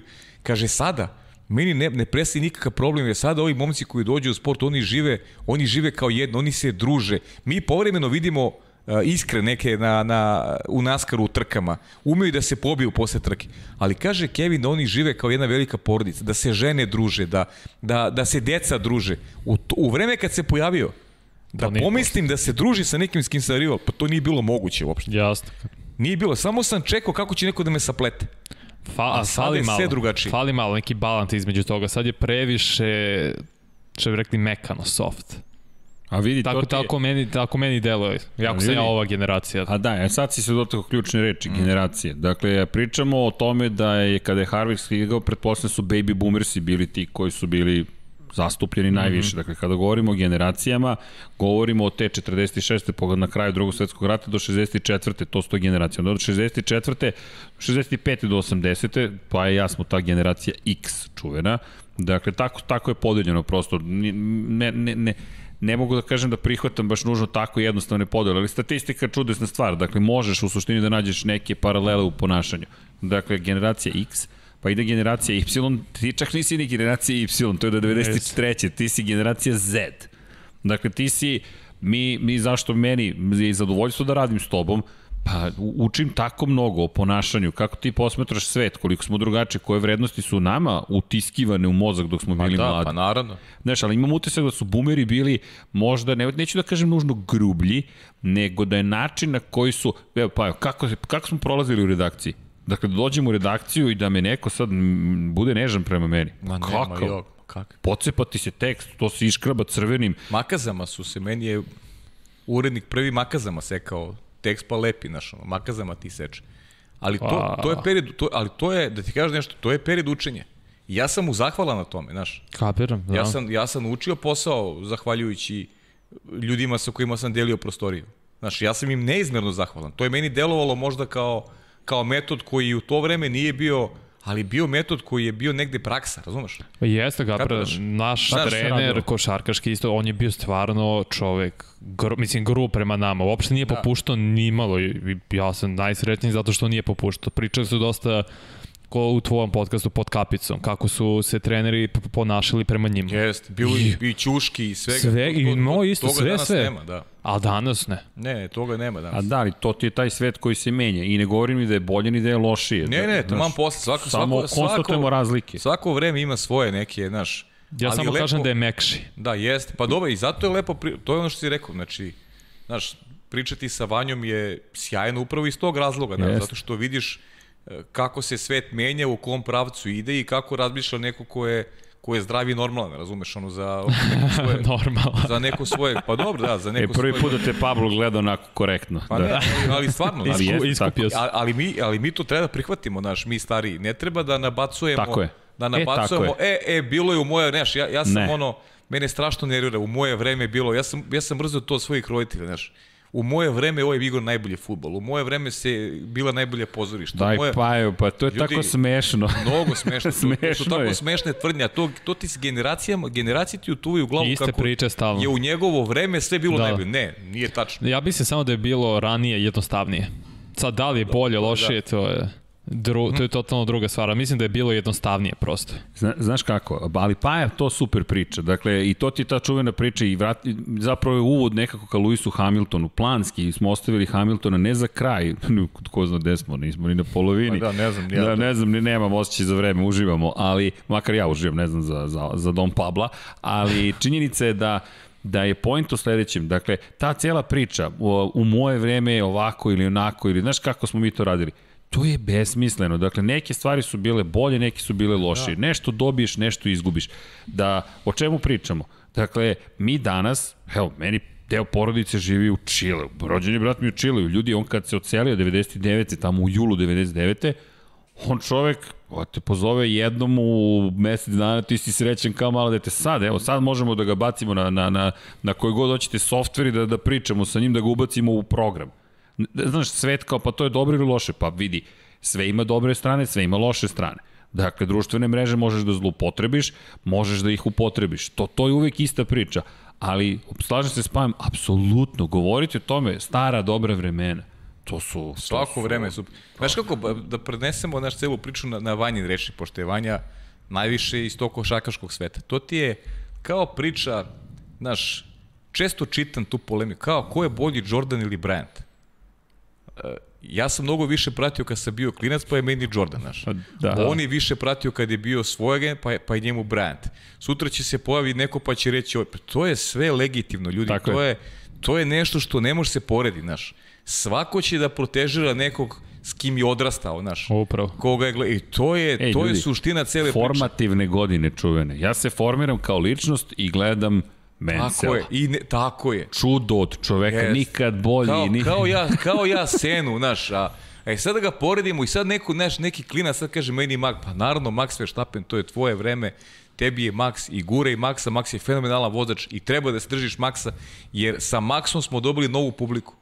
Pa, Znači, svi mi da. koji smo novo, to da nazovi automota zajednica, sa Maxom imamo novu publiku i hvala Maxu što se pojavio. I evo- to je suština cele priče. Ajmo da poklonimo majicu Red Bulla. Dakle, sad mi je palo na pamet. Evo, napišite ko prvi napiše šta za Kad je bila Max operao pobed i gde? datum i gde. Može, gde. može. Eto, evo Vanja može. izabro, može Vanja, dogovoreno. Rešeno. Napišite, poklanjam. Opa, i on je prosao, nisam ja. Opa, idemo. Don dakle, Pablo. Erceg je Don Pablo. više puta da ovo ne je bila prospe ništa. nameštaljka, ovo je bila nameštaljka, neću Vanja, komentarišem. ovo. Vanja. Dobro, majicu sam, majicu sam pokazao. Maj- da- dakle, Sačuvali su majice, nije po njima ništa. Nije, ovaj, nije, dobro, nije. je- pa- pazi mi kacigu, po- nije molim te, kacigu, da. Nije, kacigu, nije, nije, nije. Nemo i Rosija. Već ideš kako ti Dom Pablo gleda. Posle ideš na razgovore. Izvinite ljudi, ali mene stalno upozoravaju nemoj da prospeš kafu, nemoj prospeš vodu, nemoj prospeš kafu, nemoj prospeš... Prošli put nisam prosao, Ljudi, bacio sam me na... kad, ja, kad ja počnem prosipan, to će biti zadnje vreme. I sad će Dom Pablo iskusno da prebaci na Paju i mene, to jest evo ja sad pričam pa ću malo da vas zadržam, oni koji slušaju, ako čujete kako neko hoda, to je Pablo, ako čujete kako neko nešto radi, to Vanja briše sto. Znaš šta mislim? Ja već vidim večeras komentare Znaš kog ti? Kog? Kad će Pablo da bude gost? Ovo, pa to, A, ne. to je u najavi. Ej, znaš šta, Pablo s kacigom da dođe kao Maskiran, Sting. maskiran. A Maskirani ja smije Pablo. identitet da se I sazna. samo ovako da Maskirani glavom da ne. Pablo, Opa, bravo, Vanja je direktno u kadar upao, sve sa Ovo mi se sviđa, maskirani Pablo gost u studiju. Ovo mi se sviđa. Tako je. Odlično, Tako je, kaciga na glavu, odelce i da, mi se. ne, Ne, da, možda. Ne. Za koga vi navijate? Možda. Ne, sliku pokazuješ. Možda je ovako, vrtiš, tamo. Da. vrtiš glavom. Ili rukom. I tako, dakle, koje, koja smo generacija, ono, generacija... Da je Max uh, super za nove. Jeste, da, da, Jeste. da, to smo pričali, da. Pa jeste, Jeste. Maxi. Pa naravno, Jeste. svako svoje, znaš, ono, kao da Ja, ti nešto za namećeš mene. Ferrari. E, to sam te te pitam, kako si ti da. zavoleo Formulu 1? Ja sam, sad da se sećam, pre početka prve, osnov, prve prve godine, pre godine. Prvog razreda osnovne, bilo, vajde? Mi smo 2004. stariji da, ljudi. Da, 2004. sam dobio pernicu Ferrari Schumacher i rekao, uj, što je ovo lepo. Šta- I znam kao Ferrari, sam čuo šta je, šta je Schumacher, ko je Schumacher? Šta Aha. je Schumacher? Da, da, Da, pa da. I onda od tad Ferrari, a nikad nisam imao tu priliku da gledam Schumachera. Da, Da. da. da se radujem tim pobedama, pa zato ok, Ferrari, Ferrari onda je bio masom, ja sam odušljen bio masom, onda posle došao Alonso, Raikkonen kad je osvojio, Šta on, pamtiš iz tog vremena? 2008. Brazil pamtim. Sa 11 godina, to ne mogu da izbaci iz glave. Okay, to, je, to je teška priča zaista za, za, za da, ali opet Ferrari nekako Raikkonen i Masu meni je bar tako delo s 11 zajednički vozili. Osvojili su titulu konstruktora. Jesu. I Jesu. to je funkcionisalo. Raikkonen bio treći, ovaj nažalost drugi bod iza Hamiltona, ali funkcionisalo. Dobro, to, je, to su još uvek vremena kada je i ostatak onoga što su stvorili Schumacher i... Tako je. Zapravo što je stvorio Flavio Briatore još u Benettonu, pa su mu izvadili Preneli su Benetton se, i da. preneli u Ferrari. To je isto zanimljiva priča. Da, I to, to ćemo je- u međusezoni. to je bilo vreme- Tako je. Ovog čoveka koji je sad postao prvi čovjek prvi čovjek ovaj Formula 1, šef, mm -hmm. umesto, umesto, Da, to, Rekao to je isto tema koja... umesto Chase Carey. Ajmo da. odmah. Chase Carey se povlači na poziciju neizvršnog predsedavajućeg da, Formula 1. Pa ti znaš koliko sam ja, koliko sam ja dosadan sa, Sa Domenicalijem. sa Domenicalijem i ja I zaista to je velika mislim, vest, pazi. Da, mislim da je zaista posljednji veliki šef Ferrari. I sad preuzima Formulu I 1. Pritom, pritom znam neke ljude koji su onako privatno sa njim druže, dakle imam onako baš uporište jako o, o tome da mogu da pričamo o, o, o tome ko je Stefano Dominicali. I koliko je bio vezivno tkivo u Ferrariju, koliko je koliko uticao na napredak tima, on je u stvari bio šef ekipe kad je Kimi tada osvojio šampionsku Da, titulu. To, to je njegovo vreme. Međutim, kasnije je Ferrari zapao jednu drugu vrstu problema, organizacionog, Luka Di Montezemolo Ta, te 10. i 12. je tako blizu. Pa da, Luki Ja. Montezemolo i društvo je trebalo, u stvari trebao im i žrtveni jarac, pronašli su ga u Stefanu Dominikaliju. Nažalost. I ko je Stefan Dominikali najbolje pokazuje šta je napravio od Lamborghinija i kako je taj brend uh, vratio, ko- ko- koliko su, da vidiš eh, brojke prodaja Lamborghinija u odnosu na, uh, u vreme pre Stefana Dominikalija i u vreme kad je Stefan Dominikali radio. Znači, sve čega se god dohvatio Stefano Dominikali se pozlatilo. Mm -hmm. Sve, bukvalno se pozlatilo. Da, da, a to je zanimljivo. Ferrari, Lamborghini, dakle ti menjaš zapravo ljutog rivala odlaziš i dižeš ga iz mrtvih. I dižeš ga iz mrtvih, bukvalno. Bukvalno. I, sad sa- dobiješ i, i sad da dobiješ vodiš posle- Formulu 1. Vodiš, vodiš Formulu 1. Što je opet sad priča Mercedes koji, koji to isto posmatra s dozom podozrenja, jer ipak bivši šef Ferrarija Tako dolazi, je. a bivši šef Ferrari je već predseda, predsednik Međunarodne automobilske Jeste, federacije. Jean Todt, da. Jean Todt. I onda gledaš otprilike tu eru Schumachera koju si tu spomenuo kako sada živi u nekom drugom obliku. Pa Toto I to će biti Toto zanimljivo. Wolff je već rekao da i to se to se spekuliše sa sa negde u javnosti da bi Matija Binotto stavio veto sigurno na eventualni izbor Tota Wolfa za šefa Formula 1. Formula 1. Dao je zanimljiv intervju za Sky Sport, Toto Wolff, i rekao je da prosto u Mercedesu razmišljaju na duge staze i da nema nameru još da se povlači, ali da su akcije koje su pripadale Niki u Laudi trenutno na prodaji, da Ineos neće kupiti ekipu svakako, Da. već da će ostati Mercedes, dok je Mercedes u Formuli 1, da će to biti Pa to Mercedes. je to je i Dalmer, Da. iz Dalmera smo to čuli. Oni su zvanično saopštenje Da, dali da, da. takođe, tako da Ali koliko se podiglo bure oko toga da su oni morali da izba- izbace saopštenje. Nemojte zaboraviti, dakle, ovo nije samo sport, ovo je biznis. Dakle, taj Mercedes je na berzi i sve što neko kaže utiče na cenu, to jest na vrednost akcija. I vi morate da reagujete. I to je samo pokazatelj koliko, znaš kako meni to izgleda, kao, kao, neš, kao pokazatelj da tu ima nečeg. Sad, čega ima ne znam, ali ne, ti ne izdaješ saopštenje za javnost tek tako. Tako je. Dakle, ti i taj potez, to je kao u diplomatiji, kada ti nešto govoriš i opet neka poruka. Ali da se vratimo, Vanja, mi na tebe. Dakle, ti si navijač Ferrarija. Da, nažalost. A Zašto kažeš nažalost? Čekaj. Teška godina. Teška, teška, mučna godina je ovo stvarno. I nekad je tako teško gledati i Leclerc i pogotovo Fetela, za koga ja stvarno nikad nisam navio, pogotovo kad je osvajao četiri godine za redno, nisam mogao da ga smislim. Ali nisam Red mogao da ga, da, nisam mogao da ga smislim. Evo, smeje I? se Pablo. I? I onda kad je došao Ferrari, ja rekao, wow, dolazi svetski šampion strava, sad osvajam. A čekaj, to je tipično za Ferrari Yes. navijače. Dakle, okej, dok nisi sa nama, protiv nas i kad Da. uđeš u naše Da. redove, naš si. Ali jedini čovjek koji to promenio je Hamilton. Hamiltona poštujem i skoro mogu kažem da sam fan. Skoro. To, Pazi, to je meni sad, sad iz, izrazito zanimljivo. Mali broj navijača Ferrarija to, to izjavi. Dakle, Prosto, kakav je tvoj pogled na Luisa Hamilton i to mi je zanimljivo i kulturološki, kako ti ga posmatraš? ja ga posmatram kao neko što, koji mnogo znači formuli sa biznis strane. Dobro, Jer zašto? on, ja mislim da jedino on ima da ljudi iz, iz Severne Amerike, bar je to moj, da ka, o, kažem, uvid na to, znaju za formulu.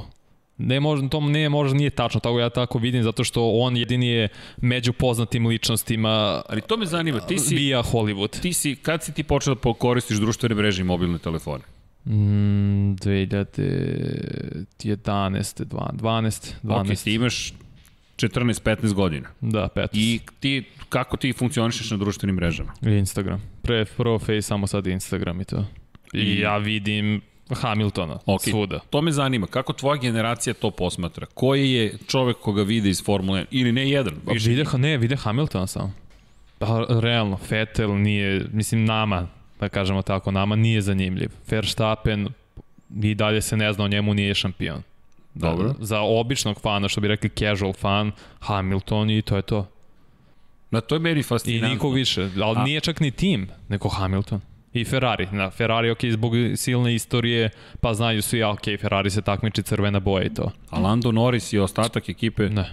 Dakle, Da Hamilton ja ne pratim trke, ja jedan. bi samo znao Hamilton. E, to je Bernie Eccleston pričao, koliko je Lewis Hamilton za njega velik šampion iz te perspektive. Iz perspektive toga da je neko ko jedini On zapravo... podiže sport na novi nivo. to, da radi stvari koje bi trebalo šampioni da radi. Ako pogledaš, ko je prisutan na društvenim mrežama? Evo sad Kimi je prisutan, kad se pojavio pre par godina i uvijek je fenomenalan. Kimi koji je u svom elementu, to jeste šampionski. Jer, kažem, koliko god je sport, ljudi to istovremeno i zabava. To je industrija zabave, sport, biznis, sve to povezano.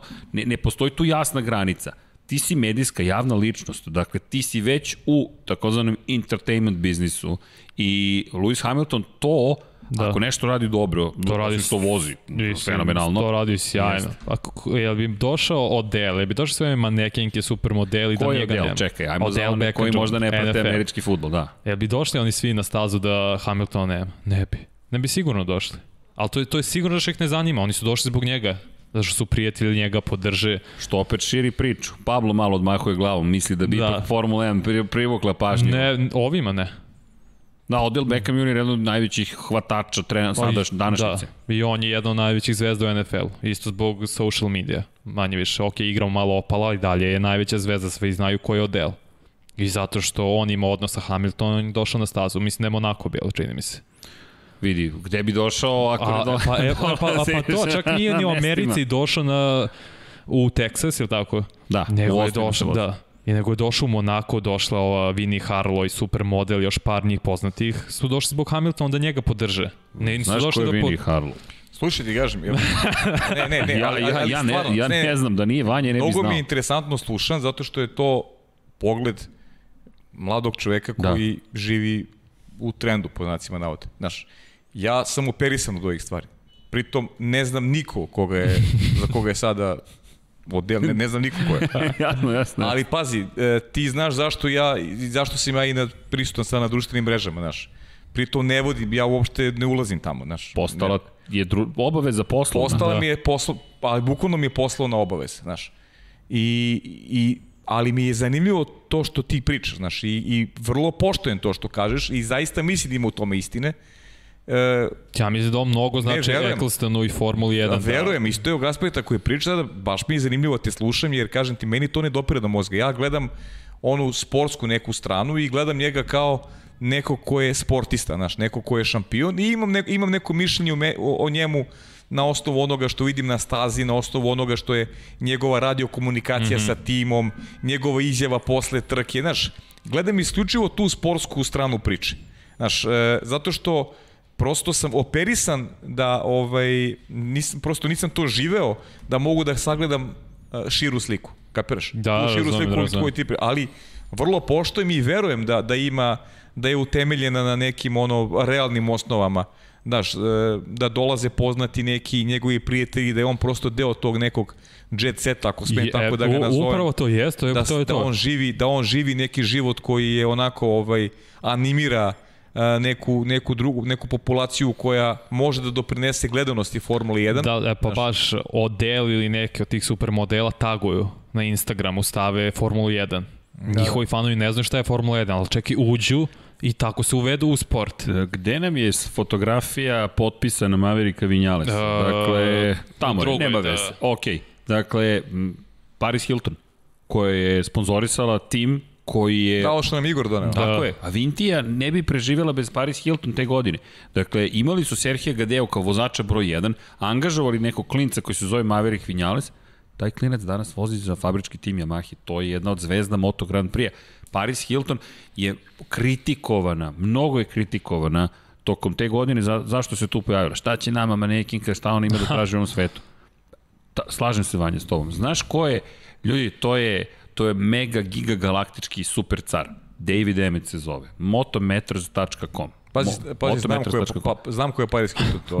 da, da, pazi, zašto? Mo, čovjek je veoma zreo, normalan analitičar. I on je rekao, radije ću da imam Avintiju u šampionatu sveta i Paris Hilton koja će da privuče svojih 25 miliona pratilaca na Instagramu i drugim društvenim mrežama ka Moto Grand Prix nego da kritikujem devojku zato što nešto ne zna. Sramota ne znati. U ovom studiju nije. Sramota je glumiti da znaš. To je ono čuveno, Beresni što je rekao, nije problem neznanje, iluzija znanja je problem. Da vidimo sa Paris da li može nešto oko našeg A, podcasta. Vidi, da, da, da, vidi, rado ću nositi majicu Paris ne, Hilton, nema problema i kada prođe COVID-19 žurka. Nema problem uopšte, da. ja. U studiju na krajnji verzama. A ja mislim da i Formula 1 i MotoGP-u, više MotoGP-u fali tako neko, da ultra neko poznata ličnost ih malo podigne. Šta, šta će se desiti kad Rossi ode u penziju? To ja, ja stvarno iskreno mislim da oni to nisu spremni za to. Ali vidi, da li možeš uopšte da se spremiš za tako ne. nešto? Vanja, da, za koga navijaš inače Rossi. u Moto Grand Prix? Ne, ne, duša zabola kada je Rossi, pa evo. evo i, tako čekaj, je, možemo četvorku, u tom samo, ogledaj, Opa, idemo, Valentino. Znaš, i duša me zabola kad je pao. Da, ima, to ćemo da pričamo sutra, sutra, sutra je MotoGP, da, ali, da. ali moram da, da, da, da, da kažem zaista koliko, koliko bude emocija automotosport. I to je ono čemu se stalno vraćamo. Dakle, da li nekog poštujemo? Svakog. Apsolutno svakog. Čak i Botasa kada kritikujemo, pa i manje prijatnim rečnikom, ljudi, mi smo svesni šta oni rade. A da ne govorim koliko nama sreće donose time što se bave, time što se bave, što taj svet postoji. Da. Ali, ali par stvari. E, kada si ovo napomenuo, inače, samo hvala Pablo, stiže par, par vesti. Prvo, prvo pitanje, kako ste zaboravili ko je Vini Harlow? Znaš ko je Vini Harlow?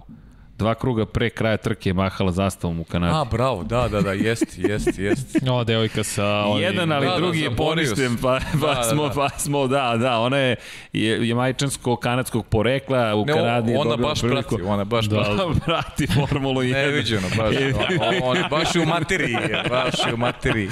ali, ali privukla neku pažnju. Ali eto vidiš, i dalje se pamti da je ona, znaš. Upravo. Pamti upravo. se, da, ti pamtiš, recimo, ja ne bi setio dva života. Sad, da mi neko kaže probaj da se setiš ko ono.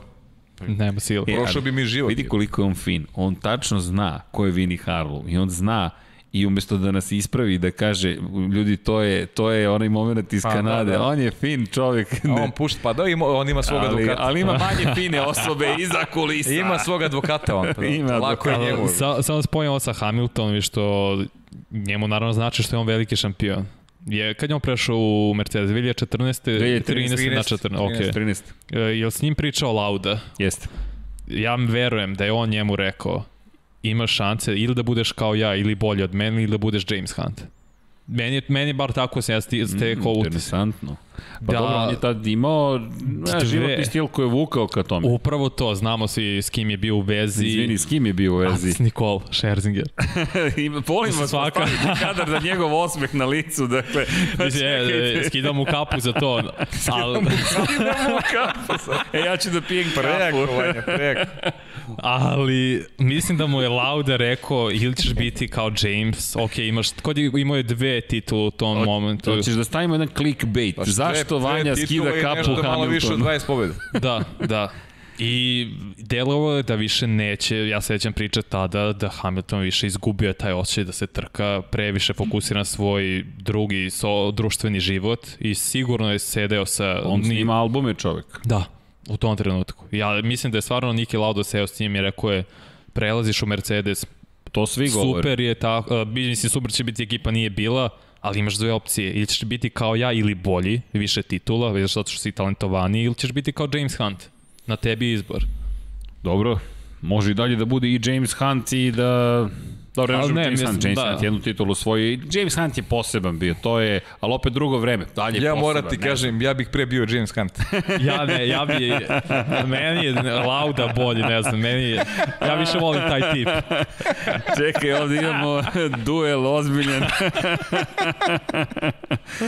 dakle, Ja da. više volim tako kao Znaš Lauda. kako smo i Pavle i ja pravili uh, kompromis? Odeš se u kafanu i onda se napravi kompromis u kafanu. uvek, uvek tak, to je najbolji Kod kompromis. Vanje možemo na basket teren i ne, to ne, poštujemo. Odlično, ne, ne, mi to poštujemo. Le, lepa, lepa, ovaj, lepa analiza, mislim, naš, na Drugačiji stranu sve. pogled, Pavle, ne za Ne, ne, nas lepa drugačiji analiza pogled. sve, le, lepo je rekao, mislim, Dobar si. slažem se, slažem se sa tim, slažem se sa tim što je rekao zaista, nema šta da dodam. Vidi. Znaš da bi ja dodao, ja to onako na keca reagujem. Ali se slažem, zaista ima ima ovaj ima rezona za Ti za je tako tace ozbiljio Hamilton. Mislim da je skapirao neke stvari. Oprostit ćemo to. Pa Pablo mora kacigu da stavi, odmahuje glavom da ovako, ali, ali dobro. Ali činjenica da je, da je Lewis Hamilton povukao ne, neverovatan potez, dakle, te godine. I što me dovodi do Lewisa Hamiltona na ovoj trci. Treći je prošao kroz cilj, tokom cele trke je bio nezadovoljan. Ono što me razočaralo, na kraju trke je rekao da Međunarodna automobilska federacija radi protiv njega na tome da ga spreči da postigne izjednačenje rekorda i da govori. Mm. Pa, ako mi dozvoliš, samo, znam da imaš šta da kažeš, Sa- samo, samo Imam. samo sekund, imam, samo da imam, sekunde. ajde. Meni je to razočaravajuće, jer ono što, on je čovek koji je zauzeo trenutno ne, stav nekoga koji je borac za građanska prava. Dakle, za građanska prava. I potom je primenio metode tirana. Zašto? Bio je implicitan, nije bio eksplicitan i rekao je, oni pokušavaju da me spreče u nečemu. Meni ta implikacija, ja neću ni da, iz, da izreknem šta mislim da je mislio, jer neću da uđem u njegovu igru. Dakle, razočaravajuće jer očekujemo tako velikog šampiona, potencijalno najvećeg na svet, najvećeg svih vremena, kada je reč o brojevima, kada je reč o emocijama, to je lično, da kaže ti i ti pokušavaju da me spreče u tome i tome, zato i zato. A igra jednu igru koja se meni dopada, to je sad već poli, politička igra. Dakle, kada kažem politička, ne bukvalno globalno politička. Nemoj da budeš tiranin ako si zastupnik građanskih prava. Pogotovo kada pričamo o, o temama koje je pokrenuo. Pokušavam da ih izbjegnem da ne bih umanjio važnost tih tema. Ali ako pričamo o antirasizmu, neka pogleda Muhameda Alija. Taj čovek je izgubio karijeru da bi se izborio za stav koji je nosio sa sobom. Čoveku su zabranili da se boksuje. U momentu kad je najveći na svetu i on je to podneo zato što je verovao u određene ideale. Hamilton, ako ima argumente, argumente da kaže da su neko protiv njega da ga spreče u nečemu, možda Možda je to jedan argument protiv hiljadu koji govore u, u, u prilog suprotnom. Dakle, Mercedes je izlobirao. A i, ka, bolji je, i kaži, i kaži ko je taj koji Tako je. I šta te to Kaži sprečava i zašto? glasno, da. Tako je. Meni je to razočaravajuće. Slažem se, pričali smo već o tome i izneo si ti ono što je generalni moj stav i kada pričamo o Hamiltonu, ja stvarno ga, rekao si mi da ima poruke, Da, e, bizar, ja, ja ga volim, mrzim Ali ga, pa jo. malo ga volim, malo ga mrzim. Ne, ja, jedni pazi, kažu da ga obožavaš, Tako jedno je. da ga preziraš. ja njega, ja njega poštujem kao vozača, ali to šekspirovsko u njemu je meni nešto što mi ne prija, naš.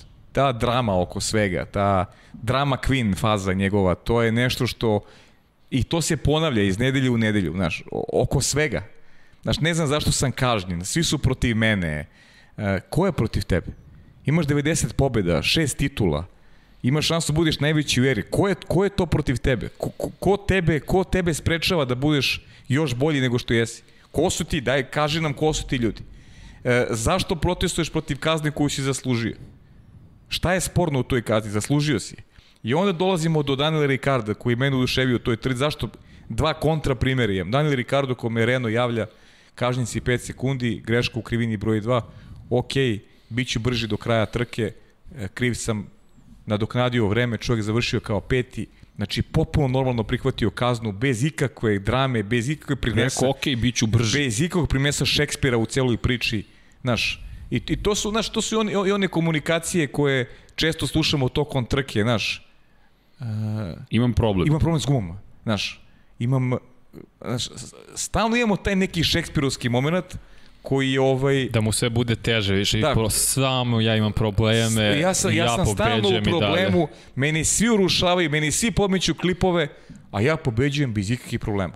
Znaš, e to je taj moment, i pazi, ovo nema nike veze sa tim kako ja vrednuješ uh, Hamiltona, mislim, kod je bitno kako ja vrednujem, njega vrednuju rezultati. Da. Rezultati su i ti koji njega vrednuju i pokazuju ko je i šta je u svetu Formula 1.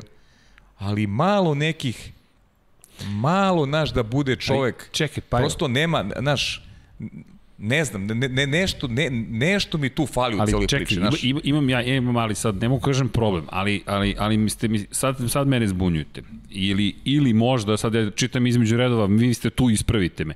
Za Bottasa kažete ponele ga emocije, za Hamiltona ne. Da li očekujete manje od Bottasa je moje pitanje. Pa zato ste spremni da kažete, ok, ponele ga emocije. Slušaj, Bottasu se dva puta u životu desilo da pokaže emociju, znaš. Dva Jasno. puta. Ako se ovo dešava stalno, ok da te ponesu emocije i da ti... Onda je preterivanje. Da, ali ti, ali ti stalno imaš neku negativnu neku negativnu emociju. A znaš. meni to govori da je možda zapravo da je to, ne branim Hamiltona, već sam iznao moj stav. Mislim da kao jedan od najvećih, ver- potencijalno najvećih svih vremena mora drugačije da komunicira. On nosi ogromnu moć. Moć čuveni Spidermanovski moment. Čekajte, imamo i Spidermana mi u studiju. Mi sve imamo u studiju. Dakle, šta je? Što na engleskom kaže? Hoćeš ti? Ne, ti, Ajde, ti, ne, ajde, ti ne, si ne, krenuo. molim te. With great power comes great responsibility. ili ti s velikom moći dolazi velika odgovornost. Hamilton mora da bude odgovorniji od ovoga. Ne može tek tako da iznese neku optužbu. On sada nosi ime i prezime Formule 1. Dakle, On je lice, nije- tako je. on je lice, fran, da kažemo, ovo mislim, franšize, franšize, da, da, da, da, ali Pa to jeste. jeste. Da, on je lice Ti, ti Formule si 1. upravo pisao koliko je on veliko lice. Ne može da izlazi kao neko ko je buntovnik. Ne, ne, ti si imperija. Nisi ti više mali buntovnik sa strane Da koji... tebe niko ne Nisi sapliće. više klinac. Tako je. Tebe niko ne sapliće. Da. A niko te ne sapliće. Ti imaš podršku to- svoju, niko te ne sapliće. Uh, greške su bile evidentne i jasne. Nije da je sada bilo nešto sporno kod njih. Ne postoji E, ništa pa upa ne, sporno. upravo to i sad Pa niko- nije jasna ta Niko izjava nije na rekao kraju. Luisu Hamiltonu skloni se da Bottas pobedi. Niko e, nije rekao toga. Hamiltonu skloni se da Rosberg pobedi. Imaš, su, imaš su privilegiju ovog sveta. Možda kad je rekao Dej, možda je Znaš, mislio na Mercedes. Da, a imaš su privilegiju ovog sveta. Vidi, ovo nije loša teorija. Šalim se, pa ne, ako se znalo u četvrtak na tom debriefu šta sme, šta ne sme, Mercedes je njemu rekao, "M, ti možeš Ej, tu sad dolazi do onih kaznenih bodova koji nije zaslužio zaista. i, su odbili na od- kraju. Odbili su, tako nije, je. to nije zaslužio. Kaznu u trci zaslužio, ali okej. kaznene bodove nije zaslužio. On je pitao da li sme. To treba da vide raspravi sa Upravo, ekipom. pa ne, pa to, to je? Mercedesova greška. A to je naša je. težnja i ka tome da budemo što prvični. Dakle, aj samo da, poje, da, da, da objasnimo, inače to je čuveno novinarsko pravilo, Pavle i ja se toga pridržamo. Uvek mora da se ispriča šta se desilo, jer možda neko prvi put sluša, gleda, nije upoznat, zaboravio. To su čuvena pravila. Tako su nas učili isto. Dakle, vratiti tekst, ej, nisi objasnio ko je ovaj čovjek. Pa ne, za njega svi znaju. Kako ti misliš svi znaju? Ne, ne, ne, za njega niko ne mora da Da, zna. čuo Tvoj sam više puta je- o tome. Tako je, da napišeš. I šta je pojenta? Hamilton, dva pokušaja starta, dva, dve greške, dva kazna po 5 sekundi i na licencu dodata dva kaznena poena. Kao u saobraćaju, što mi imamo 12 poena u saobraćaju, 12 poena imaju nas takozvani super licenci koja vam je neophodna da vozite bolid Formula 1. D sada ima 8 Osam, kaznenih poena. Sa dodatna dva koje su mu pridodate, to je 10, što ga dovodi u potencijalnu opasnost da bude suspendovan pre kraja sezone, što otvara zanimljive momente u šampionatu sveta. 44 poena trenutno zaostaje Valtteri Bottas za njim. Ne kažem da će Bottas osvojiti titulu, ali moglo bi da zakomplikuje celu priču. I sada, Bio bi lep Pa da- završetak pa- 2020. Pa i da ga spreči i da ga spreči u, u jurnjevi da. za tim rekordima, znaš. Tako je. Ne voziš jednu trku. Ja, bar bi bilo zanimljivo. Nije desilo, znaš. Bar bi bilo zanimljivo. Vanja, da, Vanja ali, ali, navija. nije, ali nije zaslužio ovu kaznu. nije zaslužio. Ne, ne, Stvarno nije da. zaslužio, nije realno Nije. zaslužio. I poništene. Čak su se i Charles Leclerc i Sebastian Vettel, vozači Ferrarija, pobunili. Vettel kao veliki šampion, Charles Leclerc takođe kao šampion, kao putući šampion, šampion nižih kategorija. Dakle, već sam ga prozvao šampionom. A, Ima, ok, izvinjam se, kiks. kiks. Poješćeš i ti šolju možda. e, nema moje šolje, ovo što je interesantno. A, Zamisli to, kakva greška, kakav kiks, kakav kiks. Da, ovo, ovo je... Don Pablo. O, Don Pablo. Minira me Pablo. Pablo me minira. Pablo me minira. Ne znam šta... Rekao sam ti ja, sledeće mi- Ja mislim, ja mislim da neko radi protiv tebe. Samo ti kažem, Da, Srđan, ti znaš da sam ja u životu ništa nije slučajno. Ja ne verujem u slučajnosti. Dobro? Ne postoje slučajnosti. Eto. Ni nema šolje. Nema šolje. Ne verujem u Dobio se slučajnosti. ovog Smiley-a, nestade Black Panther. Da. kako gledaš tu šolju, poješćemo mi nju, nije nikakav problem. Inače, za one koji ne znaju, Pavle je obećao da će pojesti šolju ukoliko Max Verstappen ne postane šampion Tako sveta je, Formule je, 1. tako je. Ali Hamilton, Da. ne znam, stvarno malo me razočarao. Da sam, ali, Ali- ali opet Ali razumem zašto nje, ne bismo primenili na njega pravilo Ne, ne. koje smo primenili na Bottas? Pa je rekao zašto je ja, mnogo veći od Što je, e, to, Pa mnogo ne samo- veći pa ne i često. Očekivanja su Pa ne drugačija. samo to, i Bottas je neko ko je konstantno u, u nečoj da, esenciji. da. I drugi put reaguje. Okej. A ok, ako reaguješ, ako reaguješ dva puta u životu, pa lakše ćemo ti oprostimo. Ali A ako ćeš ti da napraviš Šekspirovu dramu svake nedelje, pa teže ćemo ti oprostimo. A Ali pritom si veliki šampion, tome- Pošteno. a pritom imaš, imaš, imaš su privilegije ovog sveta. Jeste. E pa baš zato, ti si lice nečega. Ti moraš da imaš na drugom nivou, da budeš malo uzdignut. Bottas nije. Bottas je zvanično drugi vozač Mercedesa. Nije, Dosta jednostavno, vidi, nije, Vanja, nije, jeste Vanja, jednostavno. nije ni jednostavno. drugi vozač Da, Formule u 1 metu čak. gađa. Nije, Nije. To što je on drugi sad, to ništa Čekaj, ko je drugi vozač Formule? Verstappen. Pa to je ono što si Ili rekao. Vettel. To, si, to je ono što si rekao ti u tvojoj toj analizi tvojoj. To u Severnoj Americi. Da kažeš nekom Valtteri Bottas. Nemoj Da li, predstavu bi, da li bi znali ko je? Nemaju predstavu ko je To sigurno. ti je, ili znaš, evo sad ću ti ja na, da prenesem na sport koji ja generalno mnogo pratim, to je, to je snooker. Mhm. To u Americi, Sali. u, da, u Americi se ne prati mnogo, toliko snooker, ali ima mnogo sjajnih igrača bilijara. Mhm. I u Americi da kažeš Ronnie O'Sullivan, 60% Amerike neće znati ko je. Ko je Ronnie O'Sullivan. I jako igraju, jako, jako igraju sjajno, igra se po onim, po, po pubovima se igra, Mhm, bili, neće znati ko je Ronnie. Pa je čak Ronnie O'Sullivan snimao emisiju gde, gde je išao u Ameriku, pa igrao sa njima, pola njih nije znalo s kim igraju. Znaš, Jasno, jasno. Pola njih, Zabavno. Pola, Oni žive pola u svoj- njih, u svom pola svetu. njih ga je pobedilo. Pobedilo ga u igri bilijara, znači to je, ima film o tome, pobedilo ga, nisu znali koga su pobedili. 8 ball, verovatno. A najboljeg igrača svih vremena su pobedili, ni ne znaju da su pobedili najboljeg igrača svih vremena, nego ko je Ronio, nemamo pojma ko je Ronio. Neki su znali, ali većina nije znala ko je Ronio sad. Up. to je to. Valterija Bottas, ja ti garantuju da, Ne znam, da niko, desber pa niko sigurno. ne zna ko je Valterija. Bottas. Sigurno. I onda zato moraš se ponašaš drugačije. Da, meni je iskreno razočaravajuće da uopšte A pokrećemo po, mislim da ga pone ovaj ceo, da kažemo, movement i to, kao osetio je malo da ima malo više nadmoći da može to da iskoristi. Ali, ali to je zloupotreba. e pa da, E, to je, jeste. a to je onda tiranin. jeste. To je, ne smiješ da odeš na taj put. Ne Jeste. kažem da je postao to, ali mora da vodi računa. Ne, samo kažem, Mora to vodi je, to je uradio u ovom slučaju, rekao je oni. I još jedna stvar. Mislim da je pokazao prvi put zapravo koliko mu znači da izjednači rekord i da ga i To da je jedino preskoči. pozitivno. Ali to jeste pozitivno. Ne, pa to je sportski, pa naravno, Ko što to je ljudski. Schumacher plakao kad je, kad je, kad je oborio rekord Aj, si- Ayrtona Sene po broju pol pozicije. si čuo šta je Mick Schumacher izjavio? Ne. Mick Schumacher rekao dan pre, pre trke, u stvari peta kvalifikacije kad su bile za Formulu 2, da, mu je, da, ga je, da je od oca naučio da su rekordi nešto je prolazno i da će se on potruditi ako uđe u Formulu 1 da jednog dana dostigne rekorde Luisa, Luisa Hamiltona. Sjajno, nek to radi u Ferrari. Da. Ok. I kada to spomenjete, Dom Pablo hvala na ekspresnosti, na, na, na izuzetnoj brzini. Ferrari saopštava sledeće. Juniori voza, vozači Ferrarijeve akademije Mick Schumacher i Callum Aylot će debitovati na velikoj nagradi Eiffela u Formuli 1. Dakle, I Callum, Alfa za, za Romeo. Mika smo znali, ali i, Da, i Callum. potvrđa znači, Alfa dakle, Romeo. da. Super. Da. Znači, zanimljivo. pa šta, Dobro. znači, Mik će voziti jedan trening, a Callum drugi, ja? Pretpostavljam, ne znam sad kako će to da organizujete, to je kratka vest. Breaking news, tako piše. Sjajno. U 14 časova 29 minuta, malo ka sa malim zakašnjenjem čitam, mada vi sad ovo nadam se da slušate a kasnije, gotovo Do sigurno. napokon ću moći da gledam nijednog Schumachera u Formuli 1. Da. Aha, opa. A i Callum je dobar vozač. Mislim, Jeste. deli koliko? 22 boda, čini mi se da ih deli. Mm. Da, 191, 169, 8, ne znam. Mislim da, je- da, tako nešto, deli ih 22, čini mi se poena. Pa do, Ali su dva stvarno super vozača, nije sporno, daš, i on i, i Aylot. Ja bih volao da imam jednog vozača u Formuli 1, stvarno, ono, i meni kad bi Hamilton došao u Ferrari, ja bi bio najsrećniji.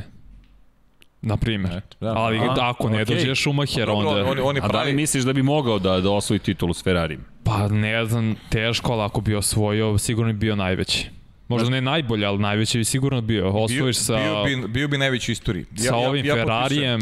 Ja sada ne mogu da kažem, rekao sam i to je neki preko emisije, ne mogu to da kažem da je najveći u istoriji Lewis Hamilton, Mhm. jer to su ra- različita vremena, različiti periodi, Znaš, neko drugo vreme je bilo, baš zbog onog smo pričali malo pre. Da, da. U to vreme su najbolji vozači sveta imali, unutar ekipe su imali najvećeg protivnika na svetu. Znaš, to je, to je bilo takvo vreme jednostavno. Danas postoje te jasne podele na, na prvog i drugog vozača, ali da budeš šampion sa tri različite ekipe, To je nešto što Jeste, a je još u, veliko... u Ferrariju biti šampion, ja, mislim da ima veće značenje nego drugim Da, ekipama. mislim, mislim da to da se to neće više da se to neće dogoditi. Ja sam verovao u to Pa, ispravite, ispravite me ako ali- grešim sad. A vidi, ne, ne, upravo si kulturološki gledano, društveno gledano, osvojiti titulu sa Ferrarijem je najveći uspeh koji možeš da ostvariš u Pa Formuli 1. svaki veliki šampion koji ja, ja znam, mislim, znam, šta znam. Ne, ne, ti, vidi, Ali... ti si rekao, vidi, Formula 1 i Ferrari imaju znak jednakosti A jedni šta, između šta sa je uh, važnije? Ko je veća pobeda, konstruktora ili vozača? Šta se više vozač. vredne? A vozač, vozač, naravno. vozač. U, A ovom vozač. šampionatu vozač ti nosi, vidi, ko pamti da, da je Ferrari osvojio 2008. godine titulu, mm. -hmm. a da nisu osvojili titulu šampionatu vozača. Jasno, jasno, jasno. To Pa, pamtiš da, ti. da. Pamtimo pa i ja, to nam je i ljubav i posao, Dom Pablo, dakle, ali većina ljudi to, to, to ne zna. Ne gleda se, znaš, ne, nećeš slaviti, jel Ferrari slavio u Brazilu te godine što je osvojio titulu šampiona konstruktora? Pa nije. Svi su bili tužni. Pretužni. Ti imaš Brazilca koji misliš da postaje novi šampion sveta u Brazilu, prvi od Sene, u Ferrariju i to se ne desi. I pobedi ga Timo Glock. da. E, da, pa Filip je pričao, Filip je prošli put, ne znam da si ispratio prošli Ne, podcast. ne, ne, E, ne. znaš, pitao ga je Filip, tima Gloka. Aha. Mogu da te pitam nešto? Kaže, verovatno Brazil 2008. Kaže, da. Šta si razmišljao u tom momentu? Kaže, samo da preživim. Kaže, ne znaš koliko je bilo klizavo. Kaže, samo da preživim da stignem do cilja. To mi je jedino bilo u glavi. To je izjava tima Gloka.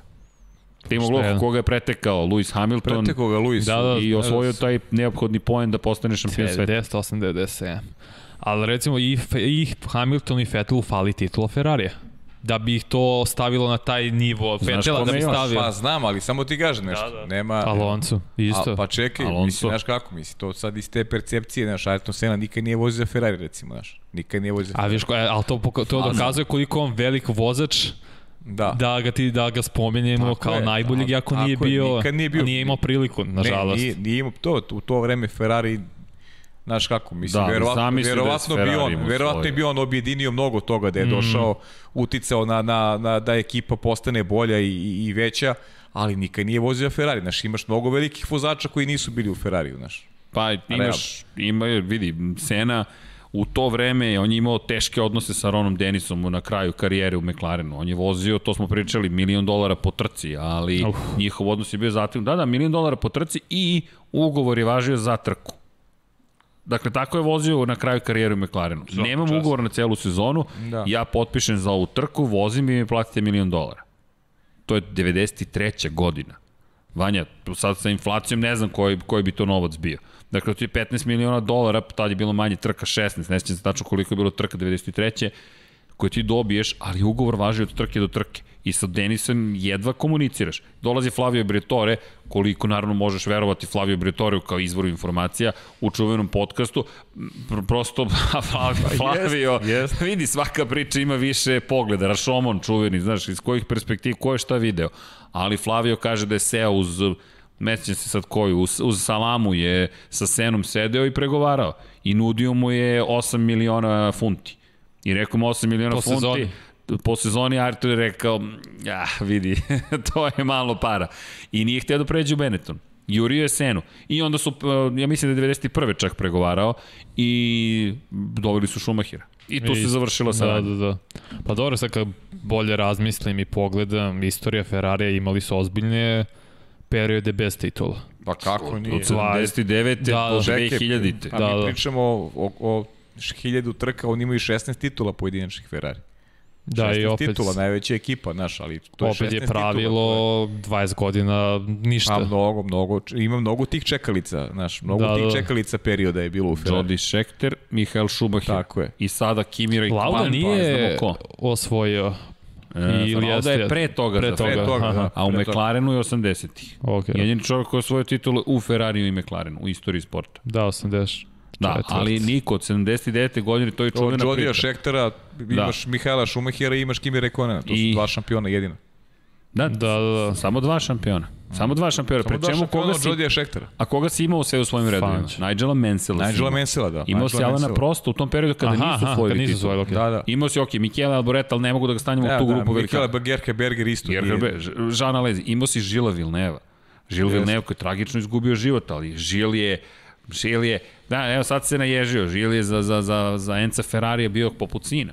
To je bilo obožavanje. Da, Jeste. e, Žil je ostavio tako dubog trag u Ferrari, oni njega i dan danas pamte. Jeste, jeste. To su neka druga vremena. Žil koji izgubio život u treningu u momentu kada juri rezultat koji mu nije potreban. Pa ti u principu imaš naredne godine, imaš postavu u Ferrariju koja koja nije Možda najslabija ikada. nije spektakularna, znaš, to su mladi momci, znaš. Pa ne, pa da kažem, možda da je najslabija ikada po imenima. ali dugo, dugo se nije dogodilo da Ferrari ima postavu bez šampiona. Znaš, dugo se nije dogodilo. Kimi Räikkönen, Filipe Massa, to je bila posljednja postava Ferrarija bez šampiona. Da, i onda je Kimi Pa onda postao je Kimi šampion. postao šampion. Da. Ti nakon toga imaš opet šampione. Ferrari je imao, Nigel Mansell šampion. Znaš, to su... Imao Ferrari je stalno imao šampione u postavi. Ali nije imao toliko uspeha. A ti sad sledeći godin imaš prvi put imaš mladu jednu postavu gde je, znaš, ono, Ne znaš šta da očekuješ. Potreban je Hamilton, potreban si jedan drugom. Tako ja bar vidim. pa ja sam to pričao još prošle godine, ali više ne verujem u taj projekat, znaš. Mislim da će se teško od, Više da, opet verujem, nije znaš, to, sam mislim, verovao više, sada ima verujem. Hamilton koliko 35, ali opet to nije mnogo... Pa ne kažem da je pitanje mnogo, godina. da. Da, Znaš šta, da, ovo da. ti je sada pitanje kockica i tajminga. Mm. Malo pre smo spomenuli Senu i Šumahira. Šumacher koji je došao na tu poziciju Benetton i tu se završilo. Sena nije imao nameru da dođe. I nije imao nameru da dođe u taj tim Jeste, kada je Schumacher jeste. tu. Pique je imao, Nelson Pique, čuveni, trostruki šampion sveta, imao problem s time što je Schumacher došao. On je smatrao da je to pogrešno. Ima taj čut, ima ta čuvena knjiga Klub Pirana, dakle Pablo koji je poklonio pa uzeo nazad to. Kad ti vratio, pokloni, znaš ono, dođeš na žurku i doneseš, dođeš na žurku i, i, i, i, i doneseš, e, izvinjam se, malo je hladno mojim kolegama, Da, da, pa malo. ćemo da ugasimo klimicu. Dakle, a vraćena je knjiga. Opa, Jeste, a, izvinjam se, izvinjam se, vraćena. Evo sad malo da dobijem, a, da dobijem projektil. Ali htio bih reći, dođeš na žurku sa svojim pićem ili svojim poklonima i to je to. Ali vraćena nam je knjiga. Klub Pirana je sjajna knjiga, pročitajte, koja govori upravo o tom momentu kako su preuzeli ugovor, iako Flavio kaže nije postojao ugovor, ali nije to baš cela priča. Ali šta hoću da kažem, stiže Mick Schumacher, vidi, stiže Alfa Romeo gotovo izvesno, to je već na pragu si dolaska u Ferrari. I kada on uđe u Ferrari, da li Lewis Hamilton se želi da sedi sa Mikom Schumacherom u istoj Za- garaži? Može bold prediction, 24. Hamilton Schumacher. Ja, Ja- a, a, to prosto, znaš kako zvuči, znaš, mislim, znate kako to zvuči. ali da li, da li bi ti sebe doveo u tu situaciju kao Lewis Hamilton da sediš s jednim Schumacherom u garaži? Zašto da ne? Za, ne, ne vidim loše za njega, dokaži se opet. A zašto bi se on dokazivao? Vanja, on već Da, da, imati se dok- 100 Nema pobjeda, veze. 7 titula, možda 8. Šta on ima da se dokazuje? Ja da se dokazujem? Ne, ne, ne, ne, ne. Ja sada postavljam uslove. Ok, ja se, postavi. Pa da li on traži, pa vidi Ferrari sa svojim isterijatom, imamo Fetela, dovećemo Leclera, onda Lecleru kažemo n, e, onako, Ham, Hamilton bi tražio, se, Hamilton bi u trkaj. Ferrariju tražio Bottasa sa sobom. bukvalno, To bi bio njegov uslov, znaš.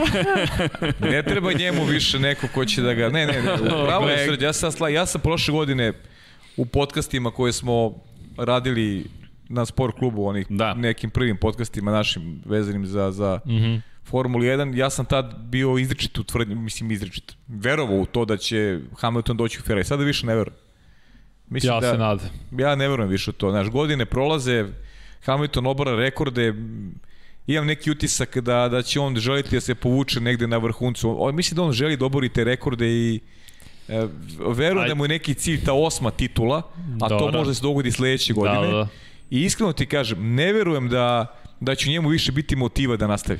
Iskreno. Ja baš mislim super, ja mislim da baš to, da će osetiti tu želju, da, zato što ljudi govore stalno, ni, nisi najveći. On čuje to sigurno. Niste vi jedini mi, kogod da Pa priča ne, da... mi ne kažemo da nije najveći, ne možemo da tvrdimo To, to. da Ne, jeste, ne, niko da- ne kaže da nije najveći, znaš. Ali, ali pitanje je šta, šta posle 2021. Do. To je opet jedan period neizvesnosti u koji treba da krene, znaš. Mada. Pa jo, znaš šta mi pada na pamet? Šta? I ti, Vanja, zapravo, Vanja, Vanja ide tragom onog što si ti spominjao. zaista ti na kraju, sigurno i Hamilton čuje ta poređenja i koliko god britanski mediji će govoriti, britanski mediji kada slušaš ti bi pomislio da se Hamilton u svakoj trci toliko muči s bolidom, da je ovo nikad viđena vožnja ono što čini. Žao mi je, ali Top Gear je fantastično opisao Ayrtona Senu. Zašto ga poštuju kao jednog od najvećih, ako ni najvećih svih vremena? To je čovek koji svaki put jurio najbrži krug, najviše što je ta mašina mogla da mu pruži. Priroda Formula 1, nažalost, ono što je gospodin Zoran Živkov pričao, se promenila. Mi sad imamo trke izdržljivosti nezahvalna je priroda Formula 1 u ovom momentu. Ti više ne voziš bolid u svakom krugu najviše što možeš, najbrže što možeš. Ti nisi na ivici u svakom krugu. Tempiraš. Ti tako. Ti čekaš da ne potrošim gume. Pa zašto meni Monako najdrža trka svih, ja sam to ja sam to shvatio kad sam odrastao, zašto meni Monako najdrža e, trka u karijeri Artuna Sena. Trka koju nije završio. Jer je hteo da pobedi dala na proste za ceo krug. Da. Ja sam shvatio naknadno kada sam postao zreliji Šta je Ayrton Senna radio tad u Monaku? On je hteo da pobedi za ceo krug Alana Prosta. Dokazivao silu. Bukvalno je želeo, želeo najvećeg rivala, pa pobediš, zamisli da pobediš u istom bolidu. Lewis Hamilton pobedi Sebastiana Fetela u istom bolidu za ceo krug. Šamar. E, Ayrton Senna je bio na putu da to uradi u Monaku, Alanu Prostu. I na kraju nije završio trku. Ja, on, njemu je Ron Dennis tokom trke rekao milion puta. Polako. Polako, pobeđuješ. Ma ne, njega to nije zanimalo. On je imao svoj cilj. On je hteo da napravi nešto što je neverovatno u istoriji sporta. Ja bi to volao da vidim on, neko da uradi sada. On, on je žrtvovao pobedu, mislim, naravno nije svesto žrtvo, ali da. je išao do maksimuma od prvog do posljednjeg kruga da bi pobedio svog najvećeg rivala za ceo krug. To nije uradio. Nezahvalno je, pazi. Ali, ali pazi, pritom, taj njegov najveći rival, taj njegov najveći rival, taj Alan Prost, koji je legenda sporta, koji je popuno drugačiji karakter, on je nosio prvi njegov sanduk na, na sahrani. Poštovanje. Znači, veliko, po, on je nosio prvi, on je nosio njegov sanduk prvi na sahrani, jer ga je poštovao kao rivala. Iako su odnosi tokom karijere bili prilično Znaš, zategnuti. Znaš, šta mi izvini pada na pamet? Da su izvukli i najbolji i najgore jedan iz drugog. Da su izvukli i najbolji i najgore jedan iz drugog. Jesu, ali, Bukvalno. ali to je to sport. ti govori koliko su do granice morali da dođu. Pa to je srđene možda i najveće rivalstvo u, u istoriji Formule 1. Jeste. A i to je možda vrhunac poštovanja. Kad Jeste. te neko iz tebe izvuče Jeste, i najbolje naravno, i najgore. Da. Naravno. A to je to, to, kad te natera da svu, jer vidi, mi se radimo kao mali divljaci, mi se civilizujemo kako nas podižu roditelji, društvo, okruženje, mi prihvatamo određene norme ponašanja, ali ako nas svedeš na, na bazično da i to je moje, želim. I sad neko te toliko izbaci iz takta da izvuče ono najgore iz tebe. Niko od nas nije savršen. To, to je mi to savršeno čoveku Ma, ne, postoji. Da, ne postoji. Pa, to, je, to je besmisleno. I onda izvuče i najgore. I to sad se vraća na početak, na, na futbol, mali futbol. Ja znam koliko sam neprijatan na malom futbolu. Pa, I ja, da. ja upozoravam ljudi, ljudi, neprijatan sam. Biće, to će biti neprijatno iskustvo. Jer to je izgubljen fokus, nema, samo da, pa pobediti da, da, i, i, i, to je to. To su imali Lauda i Hunt. Pa dobro, to taj njihov moment, da. da. Ali, Ali ne, ne, to, ne, ne, ne, to da izvuče najbolje iz jedan iz drugog. I, mislim iz Hanta, ok, ne, ali Laude, njegov, ne, njega gledao tako. Sve se slažem s tobom, nego samo, samo je samo su Sena i prosto dodigli na da, nivo da, koji... Da, da, da, da, da. Ma ne, no, ma, Nikad nećemo više vidjeti, nažalost. A zato ja kažem na Hamilton, on čuje priču, ma, Mercedes ima najjači bolid. Sigurno, Ubedljivo je mašina jaka, pa, pa svako, ne, ne, ali, ali, sigurno neko kaže, ma svako pa, to može. Šta pa, bi bio sa Verstappen? Pa da, pa zato što je, pa Mercedes jeste zvezda da, ove da, moderne. Da. Jest. Mercedes je zvezda. I zato ja ali mislim da vidi. da mora pređe negde drugde. To, to. Osvojiš osam titula s Mercedesom, pređeš preko ja, 100 pobjeda. Ja Brno se igri. Ja se nadam da u njemu ima tog. Ja, ali, ali nisam siguran. Bi super. Nisam siguran. To bi bilo super Nisam više da ima. siguran. Jer ovde konstantno onda ima zamerka, a pa dobro, ima si ubedljivo najjači bolit. Da, ali može sebe dovede u poziciju koja je još gora, znaš. Može da pokaže poziciju... koliko je slabiji. Upravo to. E, ali dobro, to je rizik. Upravo to. To je e, rizika. ali veliki šampioni se redko izlažu riziku. Znaš. A, pa. Redko, je... kad dođeš do jednog nivoa, kad pređeš igricu, Redko, ćeš, tako redko će sebi dozvoli, ja, naš... Tako je pokazao da je najbolji. Izvinjam se, znaš da me dovodiš? Pajo, ko je osvojio titul? Ko je osvojio Stanley Cup? Jesi ispratio? Jesam, Tampa. Tampa. Je, Tampa. Mm. Gledam ka tebi. Napravio sam ti uvod. Da, Šlagvort. Brady i Tampa. Brady.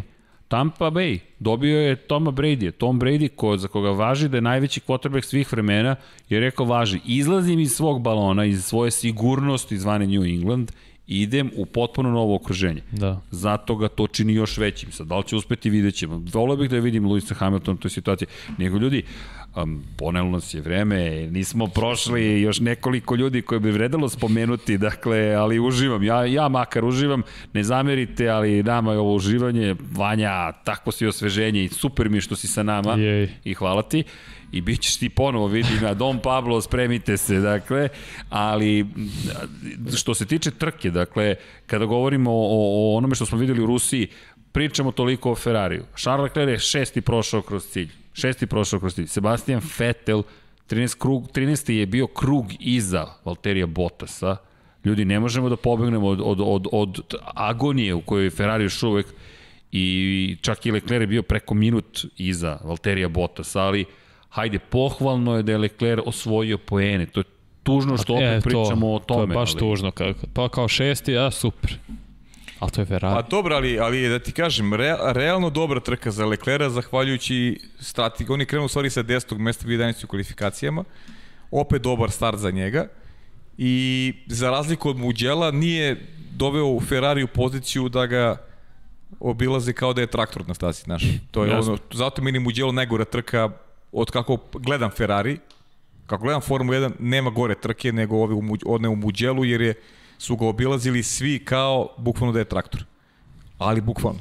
Sada je imao dobar start, šesta pozicija, misli maksimum dostignuće, dobra strategija, dobro čuvao gume, krenuo na, na, na medium pri pneumaticima, na kraju šesti, rezultat apsolutno zadovoljavajući. Ferrari s druge strane, e, sećam se da je uspeo da prestigne Romana Gružana na stazi. I to je prvi put, čini mi se, unazad meseci kusur dana da je Sebastian Vettel nekog prestigao na stazi, što je jasan pokazatelj ideje Ferrari i, i ideje forma Sebastiana Vettel i naravno odnos, ono što smo pričali, da se ne ponavljamo sada, odnos Ferrari Već prema Vettelu i tako to. dalje, prošli smo kroz to da da se sad ne vraćamo, ali, ali, ali, ali ima tu, izvini, dodatak, dodatak samo i toj priči i svemu. Vettel je žrtvovan da uspori Renault I to je tačno, Esteban Ocon konkretno, bi da. Leclerc jest, postigao uspeh. I to je tačno, i to je tačno. Da ne zaboravimo, znaš, ti kad pogledaš Vettelovu trku, bukvalno su ga ostavili da bude blok, da bude, da bude ulozi Valterija Pa to je ono, to je ponašanje. Grozno je, To je ponašanje Fetela, Ferrari u odnosu na Sebastiana Fetela koje traje već unazad od, momenta kad su saopštili da on odlazi iz ekipe i grozno je stvarno Žrtvovo da ne upotrebi opet. neki gor izraz. Tako da, Da, i, i dotakao bih se Stara još priča. dvojice vozača. Alfa Ajde. Tauri, Dani Kvjat odvezao sjajnu trku, čovjek prošao osmi kroz cilj i sve pohvale. Inače, možemo da dobijemo ponovo onaj ekran sa strategijama, mada je ovo isto zanimljivo. Dakle, da vidite razlike u najbržim krugovima. Bottas na tvrdim gumama 1.37.030, na srednje tvrdim gumama Gasly 1.37.231 i 1.37.352 Russell na najmekšim gumama. Evo, raduje se Dom Pablo što smo imali Williams, makar najbrži na crvenim gumama. E, Pokazatelj još jednom koliko se Formula 1 promenila. Dakle, nema dolivanja goriva, trošite gorivo, lakši bolid pred kraj i onda na kraju beležite taj najbrži krug. Pohvale, dakle, za, za, za Rusa, zašto? Ako možemo da dobijemo onaj kadar gde su strategije, to bi bilo sjajno. Obratite pažnju ovde na, na moment ko, šta je uradio Dani Kvjat i zašto je ovo bila jedna sjajna trka. Kimi Raikkonen sličnu strategiju izabrao. Na tvrdim gumama su započeli trku, što je bio i to je bila to je bio izuzetak zapravo. Ignorišete Albona Norisa i Rasela koji su menjali posle prvog kruga. Kvjat u 30. krugu promenio gume, prešao na srednje tvrde i do kraja vozio, došao do osme pozicije. Raikkonen čak 35, međutim Alfa Romeo prosto nije imao dovoljno snage. Raikkonen pokušao tom drugačijom strategijom, nije uspeo. Pohvale za Kvjata. Pohvale zaista za Kvjata. Jedno stajanje sa tvrdih guma sjajno, pohvale i za Gaslija koji opet imao jednu specifičnu strategiju. Pogledajte Alfa Tauri, koliko je bio maštovit ovoj trci. Roman Grožan je pokušao sa Hasom nešto slično, ali Gasli na potrošenim mekim gumom 18 krugova, pa na tvrde, pa na srednje tvrde i moment koji me dovodi do pohvala svakako za Pjera Gaslija, ali Pavle, preticanje Aleksa Albona direktno na stazi. opet, da. A meni još više reakcija, nisi imao prilike da slušao onaj radio vezu, radio komunikaciju. Nažalost, ne.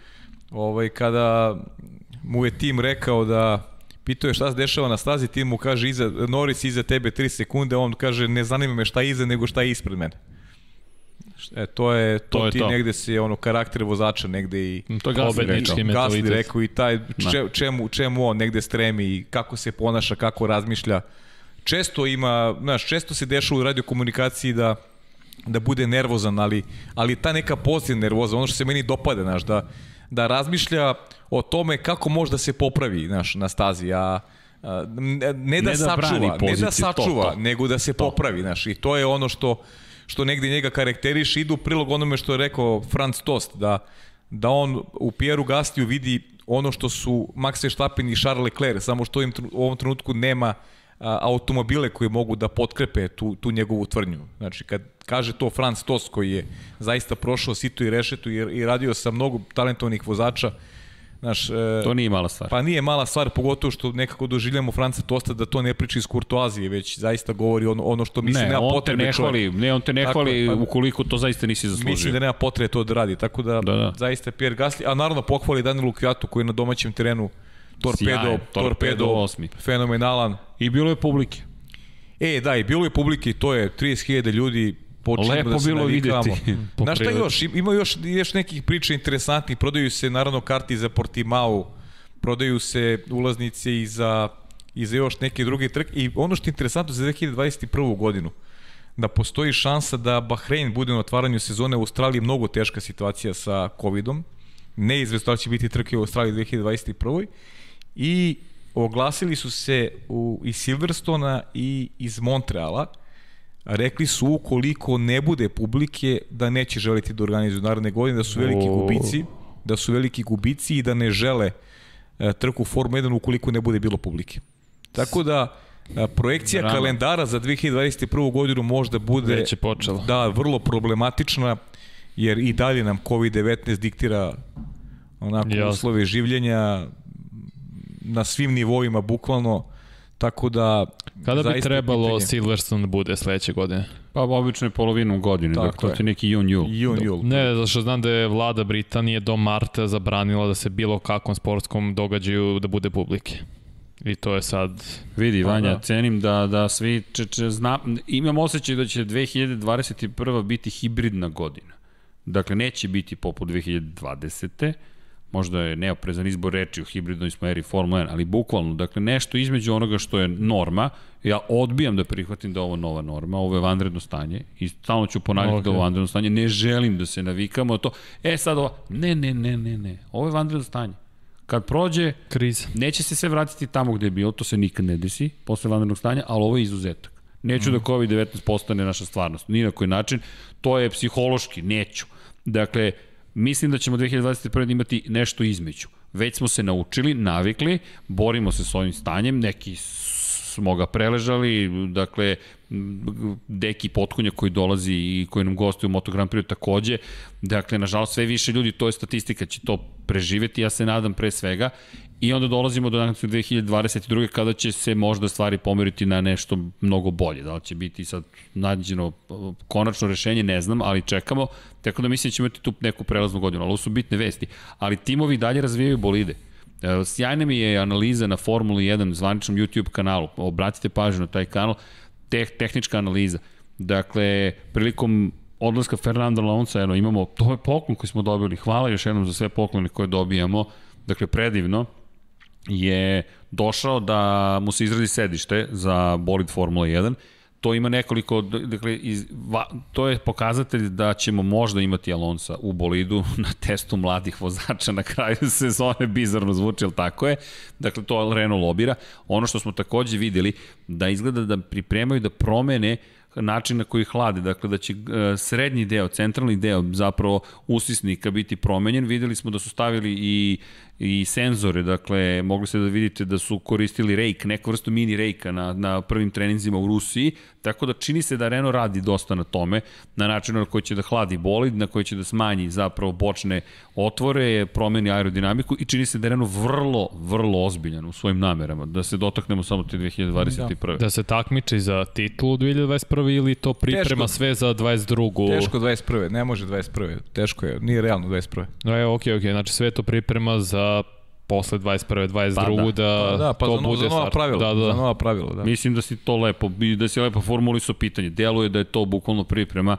Alonso koji stiže, koji će Okonu napraviti glavobolje, ja sam Koliko duboko ubećen da će Alonso ima Okon godina? ostati bez ugovora, će sigurno. Gasly završiti u Renault 2022. Koliko Alonso ima godine? Nije ni on Hamiltonovo Alonso? godište ili malo Evo neki stariji? mašu tamo, 4-0. A, pa dobro. Bilo je šampiona koji su Tek imali... to znači au.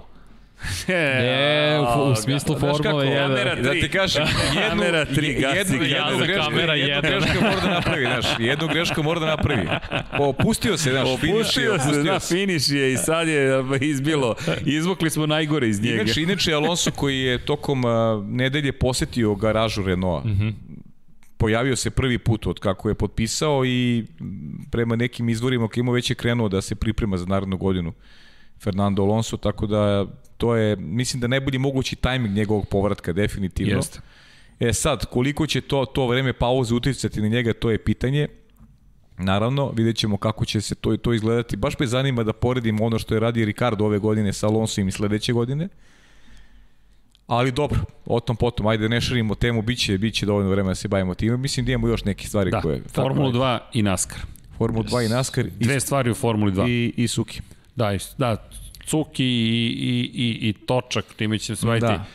Ajmo ovako, ajmo lepe stvari. Ajmo, Formula 2, Formula 2, Formula Pobjeda 2, treće mesto, Mick da, pobjeda Schumacher. treće mesto, Mick Schumacher i ono što, što i zaista ide njemu u prilog kao nekome ko iz više perspektiva možemo da razmišljamo kao nekom budućem masu Formulu 1, to, to breme prezimena Schumacher koje stvarno nosi odlično na svojim plećima, pritom znamo u kakvom je stanju njegov otac i cela priča je svima poznata. Loše počeo godinu, ja sam prvi bio skeptik kada je on u pitanju i više sam pričao o Robertu Schwarzmanu i o Karlu Malotu iskreno. Čak sam tipovao na Kristjana Lundgaard da će on biti šampion, ali ovo što radi Schumacher u posljednje vreme je zaista fantastično. On je, on je dečko u posljednjih 12 trka u poenima. 12 vezanih trka, to je šest vikenda on je u poenima. Uz sve ono priče, inverzni start, subota na nedelju, znači on svim iskušenjima odoleva na pravi način.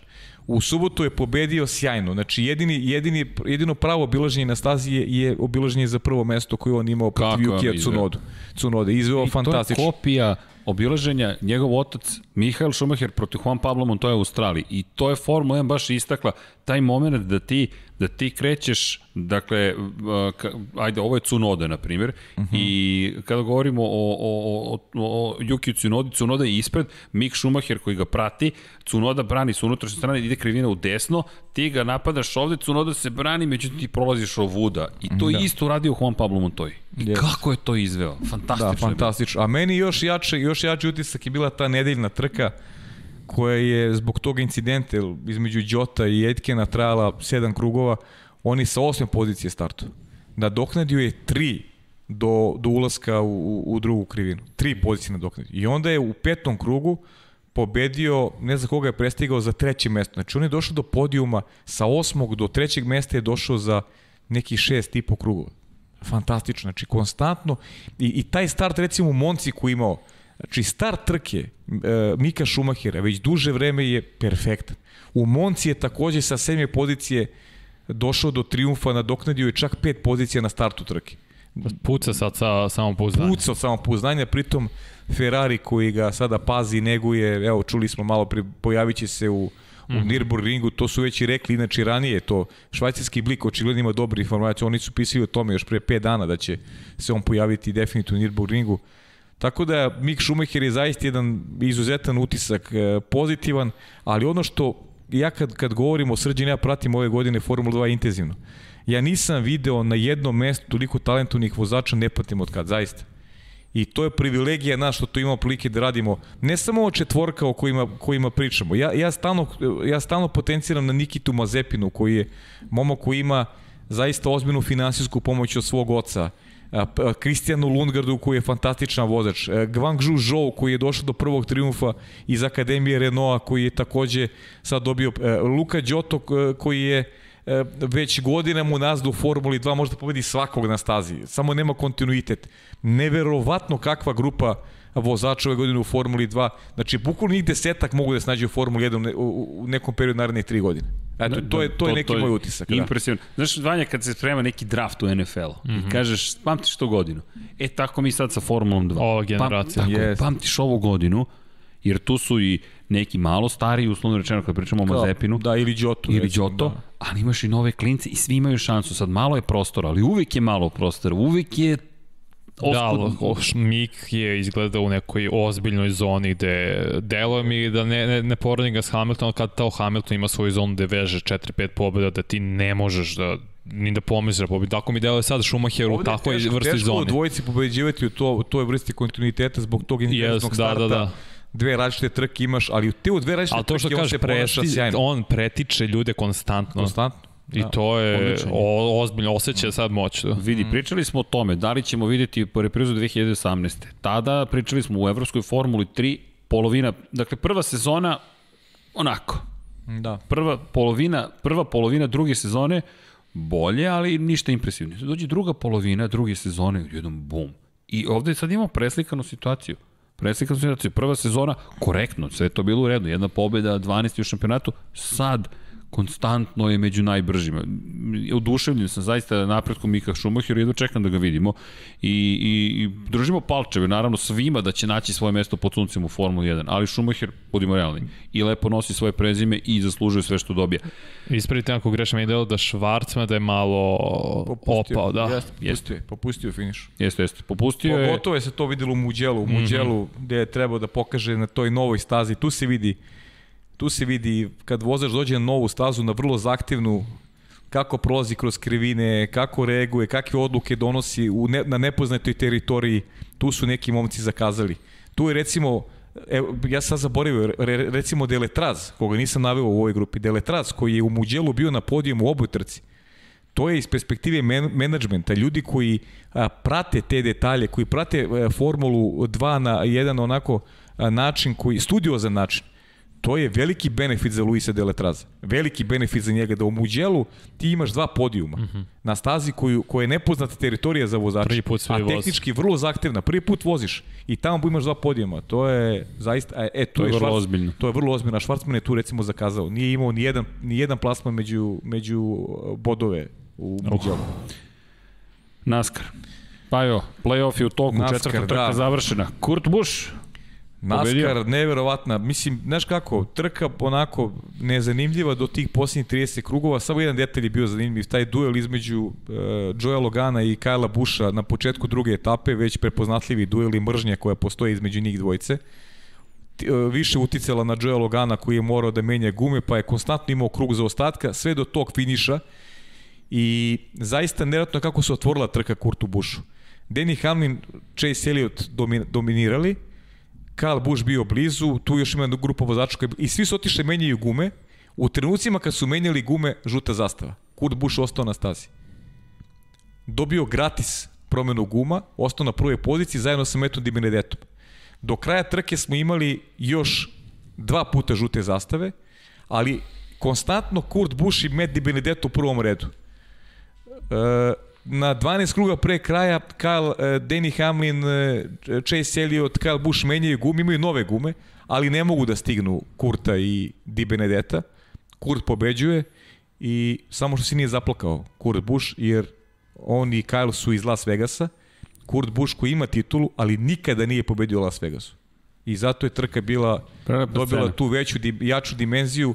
Znači, Kurt Busch pobedio, nije bilo publike, nažalost, ali je pobedio na svojoj teritoriji, odrastao blizu staze Jest. i plasirao se među osam najboljih. Već sada, on je obezbedio prolaz dalje. Da, pritom idemo na dva mesta koja teško je prognozirati šta se tamo očekuje. Taladega i onaj roval u Šarlotu. U Šarlotu.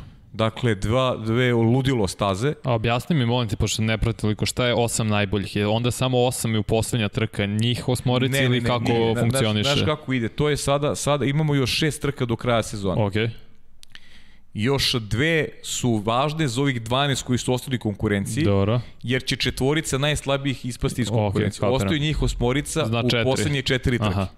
I onda u naredne tri traže se četvorica najboljih. A, Ko ostane i ta četvorica idu uh, ove godine se to održava u Phoenixu. u Phoenixu. Ta četvorica nema bodova. Ko bude fizički bolji jedan od drugog, Savršen. taj pobeđuje. To je američki sistem. Ne, Koliko je pravi da ne znam, ali je zanimljiv za gledanje. Da, Ali tako da, uvek, uvek znaš da će na kraju sezone biti odlučivan šampion. A ono što je još važno, Kurtu Bušu je to bila prva pobjeda ove sezone. Prvo u sezoni. Ovo je prva ove sezone. I prvo u karijeri. I obezbediš sebi pra, plasman. Tako da... Među osam, da. Da. da. I kada govorimo o šampionatima, pratite NASCAR, imate pogotovo što Taladega, to je super speedway, roval, to je kombinacija ovala i road coursa, to je klasične staze, zato se zove roval.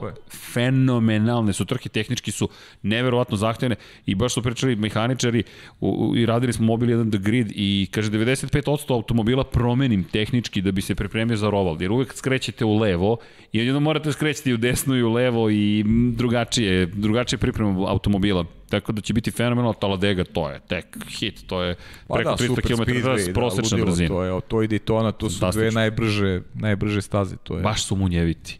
Jedva, jedva čekam iskreno. I znaš što je bitno, što do kraja sezone više nema ovih noćnih trka, sve su u nekom dobrom terminu mm -hmm. Da, za nas u Evropi, dakle počinje sve između 8 i pola 10, recimo između 20, 21 i 30, Super, što je sjajno. okej za gledanje do kraja sezone, narednih šest topla etapa. preporuka. Pratite Da. imate šta da ispratite. NASCAR ostanjamo po strani, pa jo, Da. moramo malo teže teme. Pa malo teže, da, Ali- ali... moramo. Ja nisam mogao tokom prenosa da se bavim time, ali eto, napustio nas jedan drag prijatelj, čovek koji je obeležio naravno i Formulu 1 kroz svoje fotografije u posljednjih 10 godina. Neko je bežao od Formule 1 u svoje vreme, nije želeo time da se bavi, na kraju zavoleo i I nije postao- htio da je pusti više. I nije hteo da je pusti, postao bukvalno jedan od vodećih u svojoj profesiji kada Jeste. je taj sport u pitanju. Nažalost nismo nikad, eto nismo uspeli da ga dovedemo, pričali smo ti ja još ranije, ali Jeste. on se nažalost razbolao još kada smo imali one prve naše podcaste, tako da će ostati uspomene na na Ali- ali, Sukija i ostaće te fotografije. koje- Smislit ćemo mi Nešto ćemo smisliti da ono Znaš da je meni damo neki omaž da Srđan koji zaslužio da. Sulejmanović Suki bude nagrada za najbolju automoto fotografiju godine nekog da li profesionalce, da. da li amatera, kao što Veljko Petroviću smo osmislili da odamo priznanje tako što ćemo vozaču da dodelimo priznanje. Razmišljam da uvedemo za sve koji vole automoto sport da imaju svoju nagradu u vidu konkur, konkursa, to je, to je samo priznanje, nema, nema. Ne- pl- Zaista mislim da ne treba dati nikakvu nagradu, već priznanje, Priznanje, da, da, da. si napravio neku Pa fotografiju negde, da tako negde živi mi, da, i mi negde kroz ove naše emisije da, da ono da se sećamo čoveka koji je apsolutno zaslužio po onako svim osnovama, naš i profesionalno i i privatno i neko ko je zaista bio i divna osoba, divan čovjek. Tako da eto, ostavit ćemo to negde u da što se kaže u amanet i Da. In I da memoriam pamtimo, da. svakako, ali da, da živi Suki na taj način. Da. To nam je to ono što uvek ideja. I, i, i završio bih na, na, na konto upravo života. Dakle, borba za život traje. Točak je tu. Aukcija je na Limundu. Stavit ćemo ponovo za Lanu Jovanović. Dakle, borba traje, nema predaje, 808, inače možete da pošaljete ukoliko ste u Republici Srbiji na 3030, dakle SMS, za druge države žiro račun ubacit ćemo u description, dakle žiro račune, ukoliko možete da pomognete, super, ukoliko ne možete, samo proširite priču o tome da može da se pomogne Lani, kada je reč o, ovome, točak, da ponovimo, dobili smo od Martina Nađa, bivšeg mehaničara ekipe Toro Rosso. 2017-18 je radio za Toro Rosso. Imamo i potvrdu iz Alfa Tauri koji potvrđuje da je točak autentičan. Na internoj aukciji ga dobio i poklonja ga. Skidamo kapu, dakle hvala mu. I eto, to je, to je poziv, prosto je, to je ta bitka za život. Život, rekli smo, lep je, dakle, i nas, bez obzira na sve prepreke, ma privilegija. biti Prava živ. privilegija, pa naravno. Bukvalno. I raditi sve ovo. Ljudi, čast i zadovoljstvo kao i uvek. Vanja, čekamo te, pazi. O, sad si Može. otvorio, otvorio si sada sezonu, da znaš. Može, može, tamo ću sledeći put bolje se pripremim i može. Da Spreman sad si bio nespreman. spreman. Kako izgledaš kad si spreman? Da, da. A, da se nadovežemo na komentare. Ljudi, šta da vam kažem? Kao, opa, uz ovo. Ćao svima.